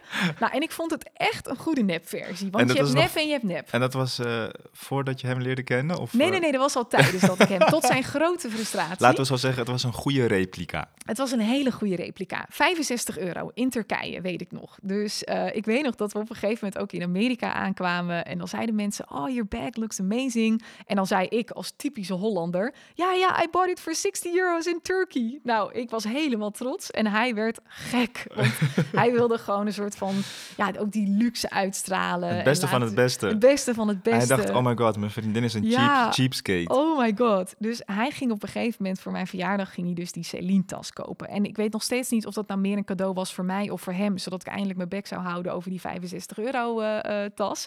Maar eh, het, dat begon al met, met hoe die dat regelde. Want die Celine tas was nergens te krijgen in Zuid-Afrika, waar we op dat moment woonden. Dus hij had een van mijn beste vriendinnen een appje gestuurd die naar Zuid-Afrika zou komen van hey, kun jij die tas eh, voor me kopen? Nou, dat was al best wel een dingetje, want we moesten het ook voorschieten. En die tas was 2500 euro. Dus, dus je vraagt iemand om even 2500 euro eh, eh, te lenen. Nou, dat, ik weet achteraf van, het, eh, van haar dat het ook dat het best wel moeizaam ging, die communicatie. En dat hij toen al heel pusherig was en heel dominant. Uiteindelijk kreeg ik die tas. Nou, ik helemaal blij. En toen ging hij me daarna heel erg pushen om op social media te zetten van... eh, oh, ik heb deze tas gekregen van mijn vriend en hij is zo geweldig en weet ik het wat allemaal. En toen dacht ik echt, dat wil ik gewoon helemaal niet. Ook omdat ik er niet een soort van ja, over wilde opscheppen of zo. En ik, ik, ik was helemaal niet de type die online zet... oh, ik heb een vet dure tas van mijn vriend gekregen. Dus ik weigerde dat. En toen was hij echt woest. Eh, en uiteindelijk had hij in dat hele proces... had hij ook ruzie gekregen met mijn beste vriendin daarover. En nou, echt die tas. Ik, ik heb hem nog steeds, maar ik gebruik hem eigenlijk nooit meer... omdat hij... Ja, er zit gewoon zoveel emotionele lading. je kan eh, helemaal geen plezier meer hebben van die tas. Nee, Wat nee. uiteindelijk ergens wel zijn intentie is geweest natuurlijk. Naast al die andere dingen zoals status. Maar ja, Ja, jammer. nee, dus dat, dat waren op een gegeven moment van dat soort kleine dingen... dat Hey, ik echt dacht... maar die tas heb jij nog. Ja, Kunnen we die op Marktplaats zetten? Ja dat, dat kan wel. Maar ik ben hem eigenlijk een beetje vergeten. Hij is ook niet zo mooi meer Oh, trouwens. shit. Hij is een beetje beschadigd. Want ja, dat ben ik weer. Ik ben daar echt heel slecht mee omgegaan hoor. Ik zette die tas ook gewoon overal neer. Er veel te veel spullen erin. Het Ik denk meteen, oh, we kunnen op vakantie. Want we- het levert Ja. nog wat op. Nee, dat klopt. Nee, dus die, eh, ja, die zou ik eigenlijk wel gewoon kunnen verkopen. En op vakantie kunnen we sowieso hoor. Ik bedoel daar niet van. Maar Nee. eh, Ja, maar weet je, dus op een gegeven moment werden dat soort dingen. Het, wa- het was een soort absurd ook allemaal. En daarom, weet je nog dat wij laatst het gesprek hadden toen we aan het wandelen waren. Dat jij ze- vroeg aan mij: ervaar je wel een sleur in onze relatie? ja, en dat toen ga, zei ik, dat ga ik niet meer vergeten. Nee, en toen zei ik ja, maar vanuit een soort blijheid. Want in die relatie was er zo weinig sleur, omdat er altijd wel weer iets was wat een soort van gestoord was of eh, Stressvol. stressvol of weet ik het wat. Dat ik nu ja, zo blij ben ook met het, het ritme wat wij hebben en gewoon het feit dat je niet een ontploffing hebt elke dag of weet ik het wat allemaal. Ja, omdat je de, de keerzijde kent. Ja, Maar ja, goed, tussen jou en mij is het ook niet altijd eventjes... eh, Nee, tuurlijk. En da- dat wil ik ook zeker wel erkennen. Want ik heb heel lang eh, ben ik boos geweest op hem dus voor het gedrag wat hij vertoonde. Dat ik me ja, gen- genegeerd voelde in die relatie. Dat hij echt obsessief aan het werk was en weet ik het wat. Op een gegeven moment werd ik alleen zelf een beetje eh, hem in onze relatie ook Oh. wel. Dat ik, eh, eh, nou ja, dat, dat weet je natuurlijk ook als geen ander. Dat ik heel obsessief met mijn werk bezig was. En mijn eigen een soort van erkenning en, en dingen die ik wilde bereiken ook wel boven andere dingen en zo zetten. Ja, prioriteit. Ja, precies. Dus eh, weet je, ik, ik, ik weet als geen ander hoe het is om aan de kant te zitten van eh, dat jij degene bent die in de relatie zit met de narcist. Maar ik moet dus ook wel heel eerlijk toegeven dat ik zelf ook in eh, de schoenen wel heb gestaan van, van de narcist eigenlijk zelf. In sommige situaties, En ja. in sommige situaties, ik denk niet dat het bij mij zo extreem was als, als bij hem dan. Maar eh, weet je, er zijn zeker gewoon trekjes en zo geweest. Maar kun je dan, kunnen we dan stellen dat, eh, net als dat kinderen bepaald gedrag overnemen van hun ouders, dat jij per ongeluk wat gedraging hebt overgenomen van een langdurige romantische relatie? Ja, ik denk het wel. Ja, ik, ik denk deels overgenomen, deels dat misschien ook wel dat stukje narcisme een soort van wordt losgemaakt in je, ongeacht je eerdere ervaringen, eh, op het moment dat je op een podium staat. En op het moment dat je best wel veel volgers of iets dergelijks hebt. Dus ik, ik, ik denk dat dat vanuit twee kanten, zeg maar, is gekomen. En misschien, denk je dat eh, ook of niet? Nou, ik, dat, dat weet ik niet. Ik, ik vraag naar jouw eh, persoonlijke beleving en indicatie. Maar ik denk wel dat jij bepaalde een bepaald formule hebt gezien. Van Ja. hij heeft bepaalde dingen kunnen bereiken, meerdere keren, door te zijn zoals hij was. Zoals Ja. hij was. En als jij ook een prioriteit had om met business of met geld of weet ik veel wat, eh, de top van de top te bereiken, dan gaat het zo in je brein van ja, dat moet ik zo doen. Ja.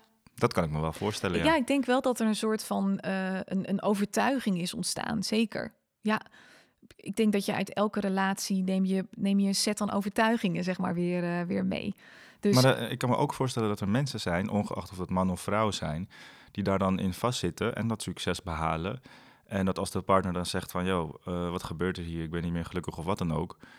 Zoiets hebben van, ja, pech. Ik ga dit gewoon blijven doen. Ja. Maar wat maakt dat jij dan, wat, want jij werd geherprogrammeerd in wat is de balans? Ja, omdat ehm, ik, ik denk misschien dat dit ook wel anders is voor mannen en vrouwen trouwens. En ik denk dat mannen iets vaker nog hun missie, zeg maar, voorop stellen dan soms misschien hun meisje.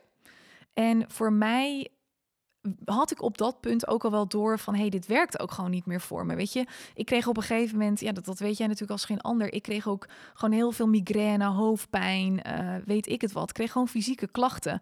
En ik had al wel door van dit, dit werkt gewoon niet voor me. Eh, ik, ik wil ook uiteindelijk gewoon een goede moeder en zo kunnen zijn. En, en ik had gelukkig wel dat zelfbewustzijn van... hé, hey, dit is gewoon ook niet de manier. Eh, de bepaalde doelen die je had, die, die zouden niet bereikt worden als je zou vast blijven zitten in, in wat je toen eh, manifesteerde wat betreft narcistische trekjes of... eh, Klopt. Ja, dus ik, ik wilde dat gewoon veranderen. Voor, voor mezelf, voor ons samen, voor jou, voor de mensen om mij heen. Dus ik, ik denk in die zin dat, ja, hoe moet je dat zeggen? Dat, dat het narcisme bij mij minder diep zat of iets kan, dergelijks. kan. Ja. ja. Dus ja, en ik, ik denk dat iedereen daar andere keuzes in zal, eh, zal maken. Zeker. Ja. Ik wil me graag nu even richten tot de mensen die vastzitten in een romantische relatie waarvan de eh, partner eh, narcistisch tot zwaar narcistisch is. Jij hebt een manier gevonden om je eruit te wurmen. Wil ik graag eventjes eerst dat verhaal horen. Hè? Ja. Op een gegeven moment ging de relatie voorbij, je pakt het vliegtuig. Zoek het uit. Zoek het uit. Zoek het uit. En ehm, dat, daaraan ligt een bepaalde mindset ten grondslag. Uh, misschien een bepaalde levenservaring die je al eerder had gehad, een bepaald innerlijk vertrouwen, een innerlijk weten. Ik kan deze relatie loslaten en ik red me op welke manier dan ook. Maar er zijn ook mensen die daar niet zo heel goed in zijn. En misschien wat angstiger zijn om alleen te zijn of op eigen benen te staan. Uh, en tot hen wil ik me graag uh, zo richten van hè, wat is er dan voor nodig. Maar eerst even het verhaal van hoe ben je weggegaan. Ja. Nou, dat was bij mij uiteindelijk in maart 2017. En toen, het, was een opeenstapeling van alles. Hij had ruzie gehad met meerdere vriendinnen. Uh, wij hadden gewoon steeds meer ruzie. De, de, ik was erachter gekomen dat hij heel vaak was vreemd gegaan. Het was er gewoon, we hadden het, point, het, punt bereikt van the point of no return, zeggen ze zeg maar in het Engels altijd heel mooi. Dus, dus toen dacht ik, ja, kak, ik, ik heb nu zoveel pijn. En ik krijg alleen nog maar meer pijn. En ik weet nog dat ik toen dacht, ik ga sowieso pijn hebben. Uh, want als ik blijf, zal ik pijn hebben. En die pijn wordt alleen maar groter. Als ik het uitmaak, zal ik ook pijn hebben. Maar dan ben ik in ieder geval de vrouw geweest die ik wil zijn. Die voor zichzelf heeft gekozen. Die eindelijk de grenzen heeft aangegeven. Die eindelijk een keer in de, in de leiderschapspositie is gaan staan. In plaats van de volgpositie en de redderspositie. Of slachtofferpositie. Of slachtofferpositie, inderdaad. Dus ik, ik weet nog dat ik op dat moment, toen ik het uitmaakte, ik was heel zenuwachtig. Ik was ook echt bang dat hij zou ontploffen en zo. Nou, dat viel gelukkig allemaal mee. Uh, want op dat punt zei ik echt in één klap mijn relatie op, de, de business die we samen hadden, uh, de woning, de villa waar we in woonden in, je leven. in Kaapstad, gewoon mijn complete leven. Dus, dus dan kun je beseffen hoeveel pijn ik eigenlijk had op dat moment. Hè? Dat, je dat, dat je bereid bent om dat in één keer los te laten.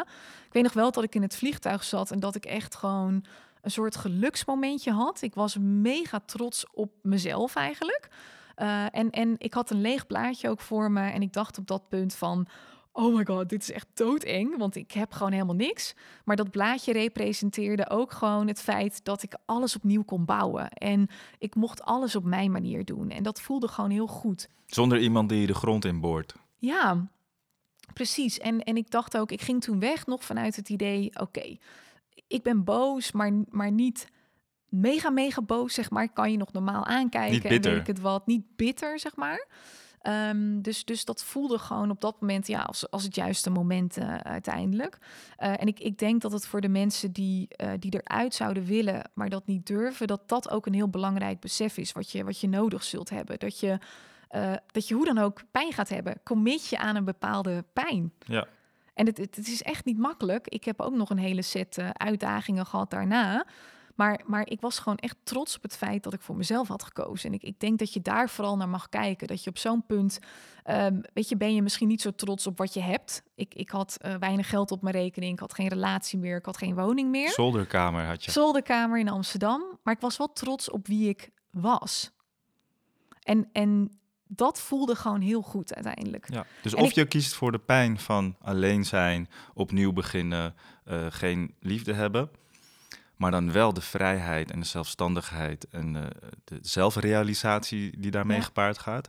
Of je blijft comfortabel met de pijn die je dan hebt met een narcistische partner, maar dan wel met alle consequenties die dat emotioneel voor je blijft hebben, waarvan je echt niet weet of die erger of milder worden. En in de meeste gevallen wordt het dus erger. Klopt, ja. En um, wat bij mij wel heeft geholpen, is dat op dat punt in mijn leven had ik al heel veel gereisd. Uh, ik was een jaar naar Zweden geweest. Ik, ik had in Zuid-Korea gewoond. Dus ik had al een aantal keer in mijn leven, had ik mijn leven opnieuw opgebouwd. Had ik van alles achter me gelaten en had ik mijn leven weer opnieuw vormgegeven. En ik wist door die, ja, de ervaring daarvan van, hé, hey, dat is lastig, maar het komt wel goed. En ik had ook al een paar keer ervaren dat ik steeds een soort van mezelf dan een leuker mens ging vinden. Dat ik dan door die ervaringen weer meer compassie had richting anderen. Dus ik, ik wist op dat punt wel van hé, hey, ik kom wel op mijn pootjes terecht. Het komt wel goed. En ik, ik wist ook wel gewoon, ik heb een diploma op zak, ik, ik krijg wel weer werk. Uh, uh, ik wist ook, ik, ik heb normale sociale vaardigheden, ik heb meerdere relaties gehad. Dus dat vriendje, dat komt waarschijnlijk uiteindelijk ook wel weer goed. Dus ik had wel dat vertrouwen nog. En dat is dan, dat ben jij. En ik ben heel dankbaar dat jij dat zo gedaan hebt. Want uiteindelijk heeft dat geleid tot een ontmoeting tussen jou en mij en waar we hier nu zitten. Maar er zijn ook mensen die dat misschien wat moeilijker vinden. En op een mhm. bepaalde manier een hart onder de riem nodig hebben. Wat zou je tegen ze willen zeggen? Ja, voel voor jezelf gewoon echt heel goed wat, je, wat jij nodig hebt. Um, en ik denk dat je het antwoord voor jezelf al wel weet of jij in een relatie wilt blijven zitten met de persoon met wie je nu in een relatie zit. Of dat nu een gewone vriendin is of een, een, een zusje of een broertje of, een, of je, je liefde. Want narcisme komt er in alle, op alle mogelijke manieren zeg maar, uh, voor. En wees even heel eerlijk naar jezelf. En kijk ook even naar je, je eigen gedrag. Weet je wel, ben je, um, wat heb je daarin zelf voor aandeel? Uh, kun je misschien nog bepaalde dingen uitproberen, als het ware? Dus wat ik op een gegeven moment nog wel heb gedaan, is ook een soort van de balans opmaken en denken: oké, wat, wat kan ik zelf nog anders doen? Zodat ik in ieder geval uit de relatie kon stappen met het idee: nou, ik heb er in ieder geval alles aan gedaan wat ik kon doen. Dat kan jou waarschijnlijk ook nog helpen om een soort rust te vinden uiteindelijk. Ofwel om de relatie te verbeteren of om er vanuit rust uit te stappen. Uh, en onthoud vooral dat stukje, je, je gaat hoe dan ook een beetje pijn hebben. Je gaat hoe dan ook plezier hebben en liefde voelen en, en de mooie dingen. Maar jij kiest op de manier waarop. Ja, maar je, je gaat ook gewoon pijn hebben. Ja. En commit je aan een bepaald stukje pijn. En besef heel goed dat uh, nu heb je misschien bepaalde dingen. Zeker als je met elkaar in een relatie zit. Want dan ben je ook een soort van financieel heb je het samen vaak iets beter. Omdat je twee salarissen hebt of iets dergelijks. Maar ben je ook de persoon waar jij nog van houdt, zeg maar. En, en ik denk dat het je zal verbazen hoe trots je op jezelf kunt zijn als je minder hebt, of misschien zelfs wel niks meer hebt, maar wel die man of vrouw bent geweest die je eigenlijk wilt zijn. In de zelfredzaamheid. Ja, en dat je je dan nog rijker eigenlijk kunt voelen dan, dan met heel veel geld, geld op en een groot huis en een grote auto. Want je had een grote auto. Ja, hele grote. Hoe heet dat ding ook weer? Jij Suburban. een van mijn favoriete jeeps. Suburban, inderdaad. Echt zo'n bus was dat. Een dikke BMW hebben we ook gehad. Mercedes reden we in, uh, in Kaapstad. Maar, maakt het gelukkig als je relatie zo in elkaar zit zoals het bij jou was? Nee, niet per se. Dat vult niet op. Nee, weet je, dat soort dingen. Uh, ik geloof ook helemaal niet dat het je ongelukkig maakt. Maar weet je, als je al een fijn leven hebt, een fijne relatie, dan zijn dat soort dingen ook gewoon tof. Maar het fixt niet de problemen in je relatie. Nee, maar we willen ook niet beweren dat dat soort groots ondernemerschap altijd voor dat soort problemen zorgen. Dus we willen ook niet mensen gaan bang maken of gaan waarschuwen dat ze niet die miljoenen bedrijven moeten oprichten. Als je het hebt als ambitie, probeer het gewoon. Ja. en kijk voor jezelf wat voor pijn je tegenkomt. Precies, pas goed op jezelf en, en stuur tijdig bij. Op het moment dat je zelf voelt of dat je die feedback krijgt vanuit je omgeving, dat, je, ja, dat het gewoon niet meer zo goed met je gaat uiteindelijk. Of dat nou gezondheidstechnisch is of mentaal, spiritueel. Dit vond ik echt heel sterk wat betreft uh, de mensen aanspreken die het misschien ergens overwegen of vastzitten. Maar dan wil ik ook graag eventjes, als jij dat kan, tussen aanhalingstekens, er zijn dan mensen die gewoon kiezen voor ik blijf in deze relatie. Ja. Wat zijn de beste manieren om om te gaan volgens jou met de ervaring die jij hebt met een partner die narcistisch is? Ja, nou sowieso geen oordeel. Weet je, iedereen die, uh, die moet lekker doen wat, wat het beste voelt voor, voor hem of haar. Wat is dan goed? Ik, ik denk dat ik dan wel zou zorgen dat je op andere manieren aan je trekken komt, als het ware. Want wat je mag beseffen is dat je dan met een narcistische partner, dat je vaak niet emotioneel gezien heel erg gezien wordt in de dingen waarin jij pijn uh, hebt. En dat is wel gewoon echt een levensbehoefte van, van heel veel mensen. Uh, dus dan zou ik zorgen dat je op andere vlakken dat in ieder geval dat gevoel nog kunt krijgen. Dus zorg dan dat je een vriendin in vertrouwen neemt over waar je zelf mee zit. Of dat je met een psycholoog gaat praten of iets dergelijks. Dus dat je wel uh, een uitlaatklep hebt, zeg maar, voor je emoties. Ik, ik ben nu zelf heel blij met, met jou, Tris, dat, dat ik met jou gewoon alles kan bespreken, dat je super empathisch bent en ik voel me daardoor echt gewoon een lichter, gelukkiger mens. En uh, ik merk daardoor ook dat ik heel veel bij jou kan halen, zeg maar, waardoor ik het al niet eens meer bij vriendinnen hoef te halen. Maar als je in een narcistische relatie zit, dan mag je gewoon accepteren dat kun je niet halen bij je partner. En, en dat is misschien heel vervelend, maar daar kan iemand dan misschien ook gewoon niks aan doen. En dan mag je accepteren en een andere mogelijkheid zoeken. Dus ga het dan halen bij, bij wie dan ook, je moeder, vriendinnen of, of wat dan ook. En, en stel je verwachtingen eigenlijk gewoon bij van wat je wel en niet uit die relatie kunt halen. Um, en ik, ik zou wel blijven proberen om er ook over te praten met, met je partner. Uh, kijken of er toch op de een of andere manier kleine verbeteringen mogelijk zijn. Geen verwijten. Nee. En um, we hebben het dan ook over de narcisten gehad, waarbij het waarschijnlijk erger wordt. Ja. En ook over aan de andere kant van de grenzen gehad, die je wel of niet uh, kunt aangeven. Hoe kan je dan op zijn minst voorkomen, denk jij, uh, dat het erger wordt? Ja, goede hoe, vraag. Hoe cultiveer je het aangeven van grenzen? Steeds testen, ja. proberen hoe ver je daarin kan gaan en kijken wat voor eindresultaat het heeft als je de keuze ja. maakt. Ik vind dat een lastige, eerlijk gezegd. Hoe voorkom je dat? Ik, ik denk, um, ja, door, door iemand toch zo bewust mogelijk proberen te maken. Ik had bijvoorbeeld, ik zag bij mijn ex dan dat, dat het erger werd door de druk van, van de business en, en de grootte van de business. Dus ik, ik, ik had hem daar misschien meer op kunnen wijzen. Dat, dat hij zelf daardoor een, stapje terug uh, zou hebben gedaan. Um, dus nou ja, misschien is, is dat bij jou een mogelijkheid voor, voor jou als luisteraar. Kijk naar wat, wat zijn triggers die hem of haar versterken in zijn of haar narcisme bijvoorbeeld. En mm. kijk of je daar bijvoorbeeld iets aan kunt doen. Blijf jezelf ook uitspreken. Wat, wat heb jij nodig in een relatie? Wat heb je juist niet nodig? Verder weet ik het eigenlijk niet. Nee. Heb jij ideeën? Ja, ik denk uh, wat betreft het aangeven van grenzen voor de mensen die dat eng vinden, uh, speelt er misschien een gedachte of een overtuiging. Als ik grenzen aangeef, nou ja, sowieso kan een narcist boos worden daarom. Mm. Maar dan uh, gaat hij of zij misschien bij me weg. En uh, ik denk dat het heel belangrijk is om dat voor jezelf af en toe te testen als je het aandurft. Eh, want als je dat niet blijft doen, dan blijft het narcistische gedrag steeds zich verder ontwikkelen. Omdat die zelf niet de containment krijgt die het misschien nodig heeft om niet erger te worden. En als je dan steeds stapje voor stapje ziet van, nou, dit is dan een iets lichtere grens en dit is dan een iets zwaardere grens die ik aan kon geven. En dat je ziet dat je ermee wegkomt tussen aanhalingstekens.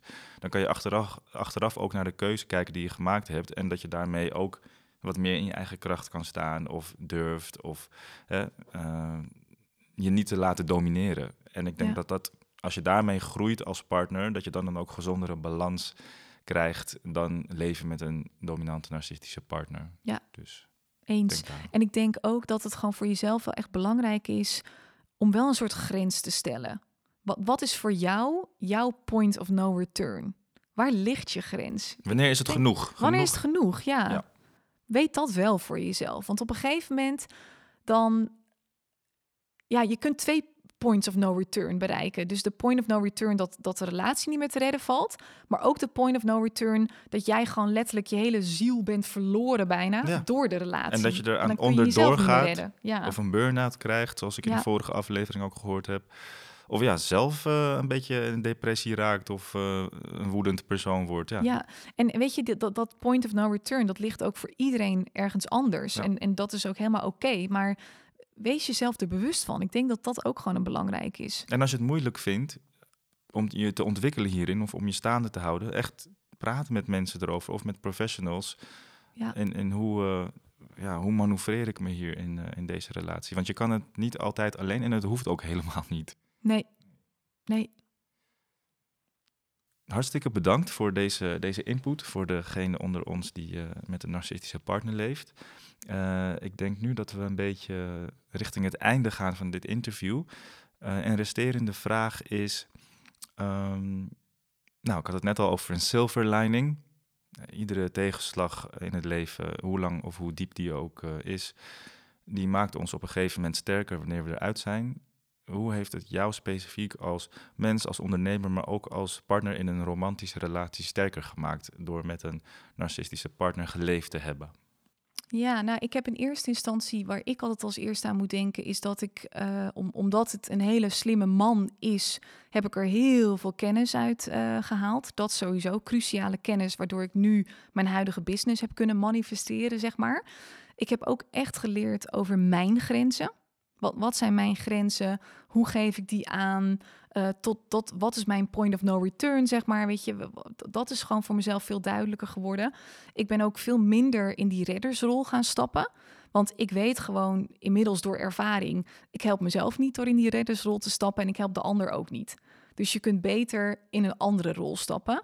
Eh, en dat lukt me niet altijd trouwens hoor. Want, want mijn natuurlijke gedrag kan soms nog steeds wel die redder zijn. Maar, maar het is wel een stuk minder dan dat het, eh, eh, dan dat het was. Ik heb ook echt leren presteren, communiceren onder druk. Want druk is er voldoende in een narcistische relatie. En ja, hoe meer je daarvan krijgt, hoe beter je in een gegeven, op een gegeven moment wordt om je dan toch nog staande te houden. Dus dat zijn wel een beetje de belangrijkste dingen. Ik heb er ook enorm veel mensenkennis door gekregen. Eh, ik heb ook veel meer compassie gekregen voor anderen met bepaalde eh, uitdagingen. Want ik heb op een gegeven moment wel eens een, een periode gehad dat ik me een soort van ja, schaamde en ook, ook baalde van mezelf. Dat ik dacht, man, tien, je bent gewoon zo'n slimme, eh, ook gewoon leuke vrouw, zeg maar. Hoe, hoe kan het nou gebeurd zijn dat jij hierin terecht bent gekomen? En ik weet inmiddels dat dit soort dingen, maar ook allerlei andere dingen in het leven, het, het overkomt de beste. En niet eens altijd overkomen. Soms manifesteer je het ook gewoon, zeg maar, heel vaak. Eh, en, en weet je, dat, dat geeft je weer enorm veel lessen. Dus ik kijk ook gewoon met veel meer compassie naar andere mensen. Dus ik denk dat het me uiteindelijk ook gewoon wat dat betreft heel veel heeft gebracht. Denk je dat ik nog iets vergeet dan? Nee, ik denk het niet. Maar ik wil wel ook nog als volgende onderwerp, en het is niet om te vissen naar complimenten, maar eh, als uit herinnering van waarin ik soms een, eh, een stressvolle reactie bij jou zag, als eh, consequentie van de vorige relatie. En dat ik wel eventjes rustig moest nadenken van hmm, hoe kan ik hier het beste mee omgaan. Ehm, dus de vraag hoe helpt jouw volgende partner, hoe kan jouw volgende partner helpen bij de heling van de littekens die je op hebt gedaan uit een eh, relatie met een narcistische partner? Want bijvoorbeeld over het autorijden, kun je daar iets over Ja. vertellen? Ja, mooie vraag. Ik denk, weet je, ik heb daarin echt eh, heel veel geluk met jou ook. Ehm, ik denk dat dit heel erg wisselt voor iedereen. Want bij mij waren het best wel veel hele specifieke situaties. Dus het is zit wel een beetje te lachen. Een van die situaties was met autorijden. Uh, ik weet nog, als ik met mijn ex ging autorijden, dan was hij bijna de hele rit op een gegeven moment altijd boos. Want ik remde te hard en dan gaf ik weer te hard gas. En dan reed ik weer een kilometer te hard en dan weer te langzaam. En nou, er was altijd wel iets dat ik op een gegeven moment ook gewoon weigerde om te rijden uh, met hem.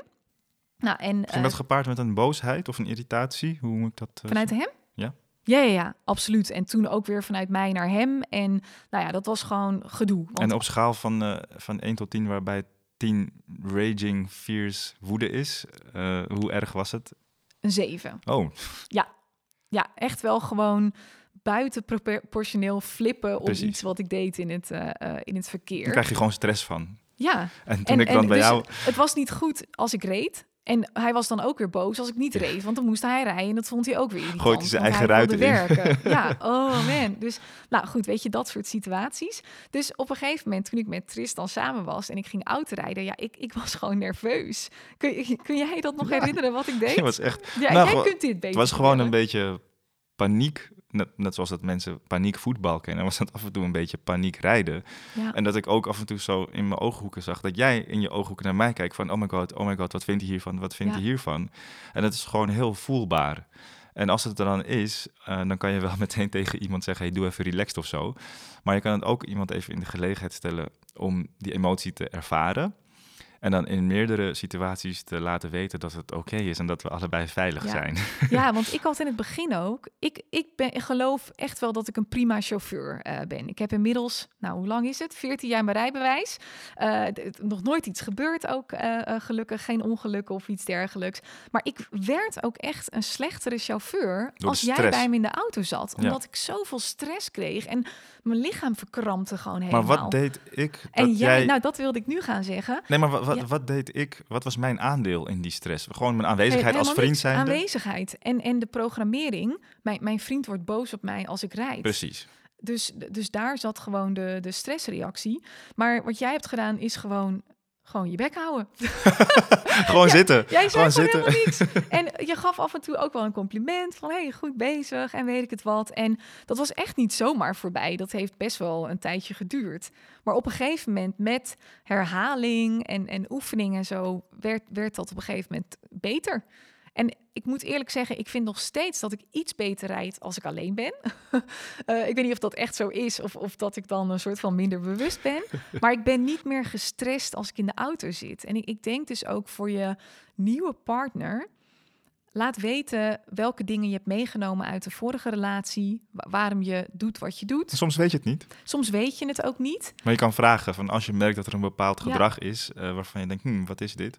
Ja. Bespreek het even. Ga erover met elkaar in gesprek en, en oefen met verschillende dingen. Geef aan wat je nodig hebt als je dat weet. Of uh, uh, misschien ben je wel de partner van iemand die uit een narcistische relatie komt. En ik denk dat dan gewoon heel veel liefde en geduld uh, heel erg nodig is. En um, jij kan gewoon normaal huilen bij mij als er iets is. Ja. Maar wat, wat gebeurde er met hem? Oh man, die zijn we helemaal, die hebben we helemaal niet, nog niet gehad. Maakt niet inderdaad. uit. Maakt niet uit. Ik, even in het verlengde van wat kan je doen als partner? Nou, in het begin, toen we net samen waren, wist ik nog dat hij er gewoon moeilijk mee om kon gaan. Dan gaf hij me gewoon een beetje andere reactie dan normale mensen zouden doen. Een schouderklopje en dan uh, gewoon, uh, ah ja, everything will be fine. Oh. Ja, of, uh, of uh, een beetje gekkige opmerkingen, want er was er iemand overleden. En dan niet van, oh, gecondoleerd, dan wat heftig, maar oh ja, maar iedereen gaat toch dood? Weet je wel, dat, dat hij op die manier het een soort van goed probeerde te maken. En ik weet nog op het einde, ja, als ik dan emoties liet zien, dan werd, werd hij gewoon gek. Uh, ik weet nog op een gegeven moment gingen we naar een terrasje. En toen zei hij ook weer iets heel pijnlijks. En toen moest ik huilen. Terwijl we daar op dat terras gingen zitten. En toen schreeuwde hij ook: You're embarrassing me. En weet ik het wat. Nou, dat gebeurde meerdere keren. Uh, nou, niet dat zinnetje: You're embarrassing me. Maar hij trok het gewoon niet als ik emoties uh, toonde. En dan, en dan laten we eerlijk zijn, het element in het openbaar was waarschijnlijk uh, zwaar. Dat was het embarrassing, ja. ja. ja. Als, het, als het thuis gebeurde, dan... Mm, anders trok hij het ook niet, want wat hij dan nog wel eens kon doen... maar dat zei hij ook als hij tijd met mij ging, uh, ging spenderen... is dan zei hij, weet je wel hoeveel geld het kost... dat ik hier nu tijd met jou spendeer of dat ik hier nu met jou zit? Want hij was ondernemer, dus weet je, tijd is geld en, en zo beredeneerde hij. Dat hebben wij ook nog echt wel een beetje beetje last van gehad. Dat ik nog de overtuiging had, vooral in het begin, van oh, hij wil waarschijnlijk vooral met zichzelf bezig zijn. Oh, jij wilde mij niet tot last zijn. Ik wilde je niet tot hem last niet tot last zijn. Ja, ja eerst een paar keer dat je bij me kwam eten en dat het al iets serieuzer werd in daten. Ik had me helemaal verheugd op uh, een avondje eten en dat ze dan bleef logeren. Maar ze kwam binnen en het eerste wat ze zei was, ja, ja, ik ga even eten en dan, uh, dan na een kwartier na het, als we klaar zijn, ga ik weer naar huis. En ik had echt zoiets van, wat? Ja.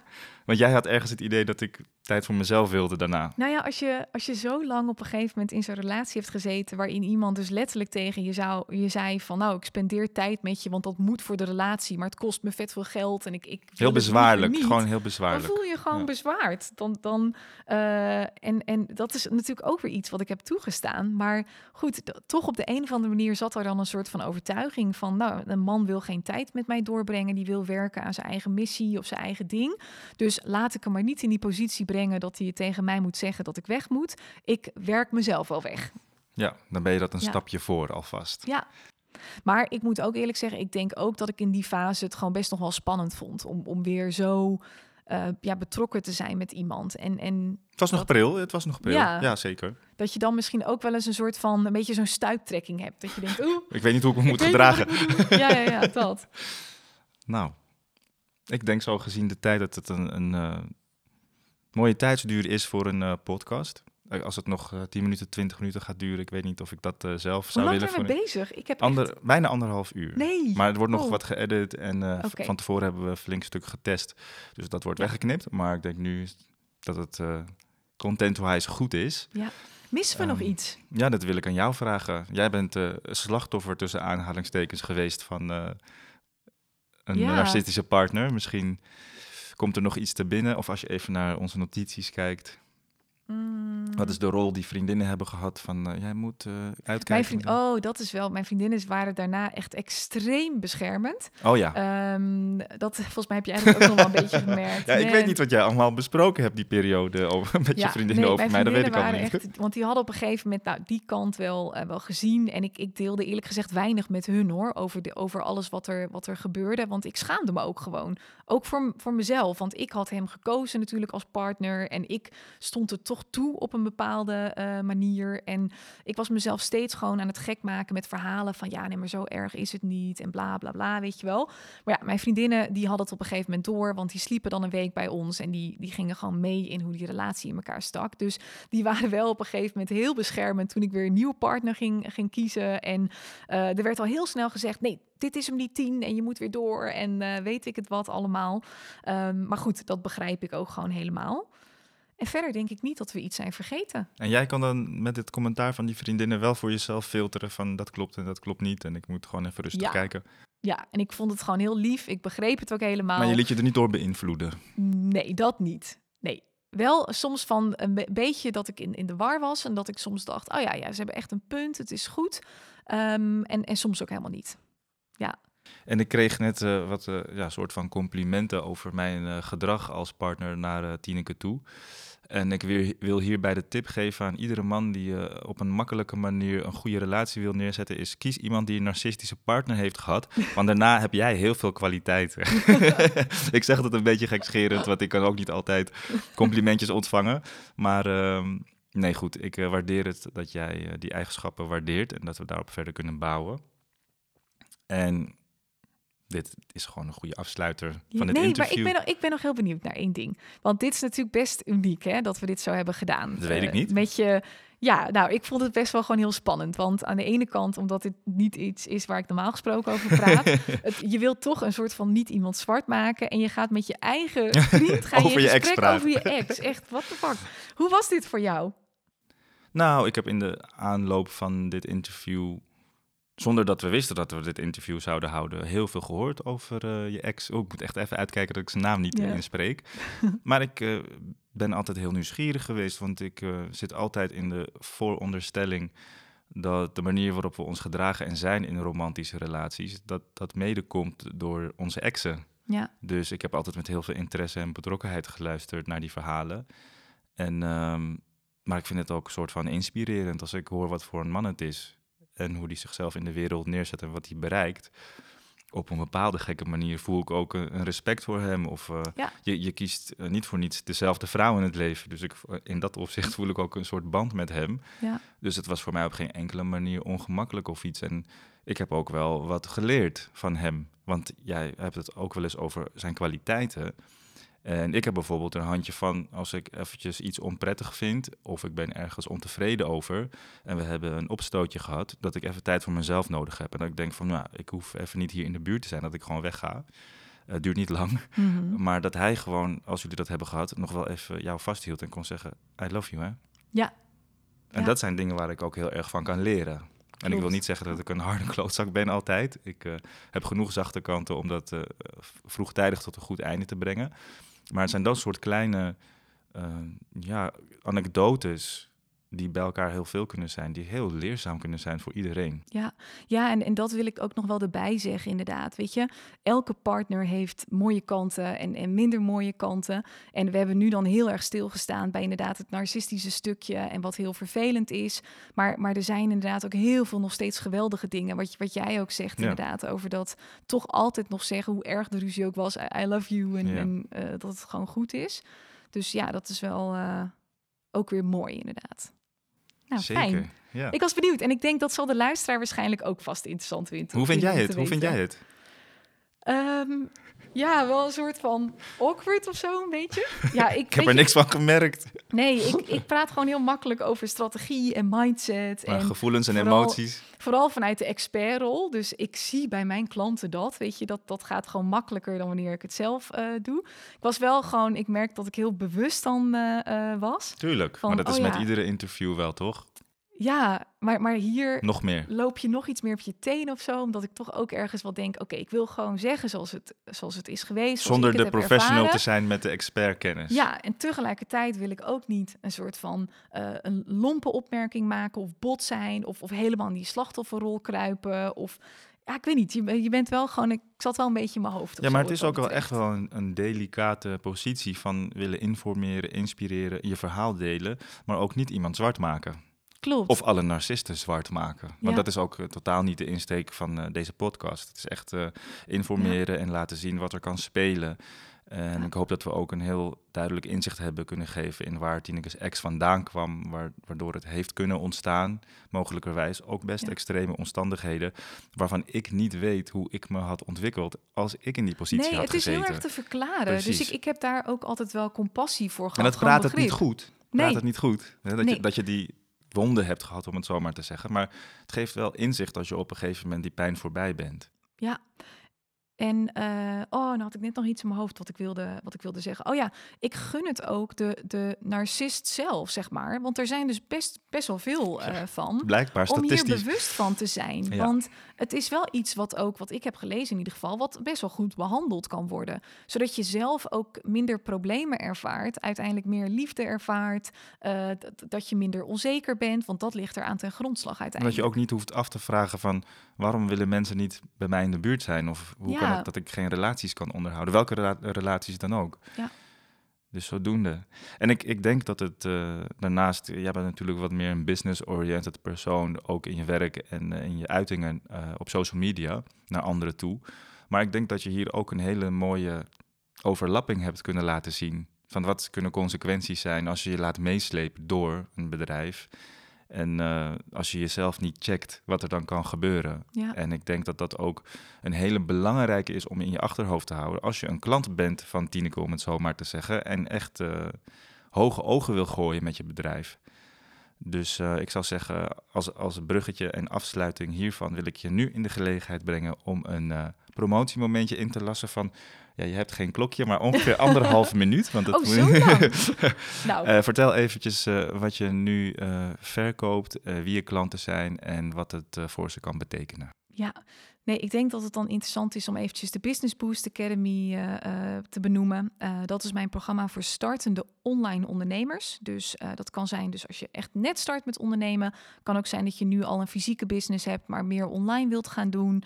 Op 30 mei 2022 start ik dan met een groep ondernemers die in drie maanden tijd met mij gewoon dat helemaal willen aanpakken. Echt van A tot Z, van ideale klant, eh, productaanbod, website, eventuele sales funnel, podcast, de hele shebang, zeg maar, uh, ook willen kijken naar hun, hun mindset. Want je kunt wel iets willen, maar je moet het ook durven en daadwerkelijk doen en ook vol blijven houden. En een stukje partnerschap en relaties? Of dat erin terugkomt. Uh, nou, het is wel een van de onderwerpen waar we het een beetje over gaan hebben. Weet je wel, hoe zorg je voor het en-en stukje? Dus dat je niet alleen succesvol wordt met je business, maar dat ook blijft in je relaties, uh, met je gezondheid, et cetera. Dus het, het wordt vrij breed ingepakt en het wordt ook echt een soort experience of een journey met z'n allen. Uh, maar check anders eventjes tinekezwart.com slash BBA. Daar vind je meer informatie. Kun je nu, uh, als je de podcast direct luistert, aanmelden voor de wachtlijst ook. Dan ontvang je als eerste informatie. Dus dat was mijn salespraatje. Wat is die van jou, Tris? Oh, die volgt nog in een opname achteraf. Die heb ik nu niet zo 1, 2, 3 oh, voorbereid. Dus dat ga ik lekker met een mooie jingle ga ik dat helemaal netjes inspreken. Wij, wij, wij motiveren elkaar altijd om te verkopen. Dankjewel voor deze gelegenheid om weer een eh, verkoopmomentje in te lassen. Even kijken, ik wil jou uh, sowieso bedanken voor je tijd, want het is vandaag uh, Koningsdag 2022.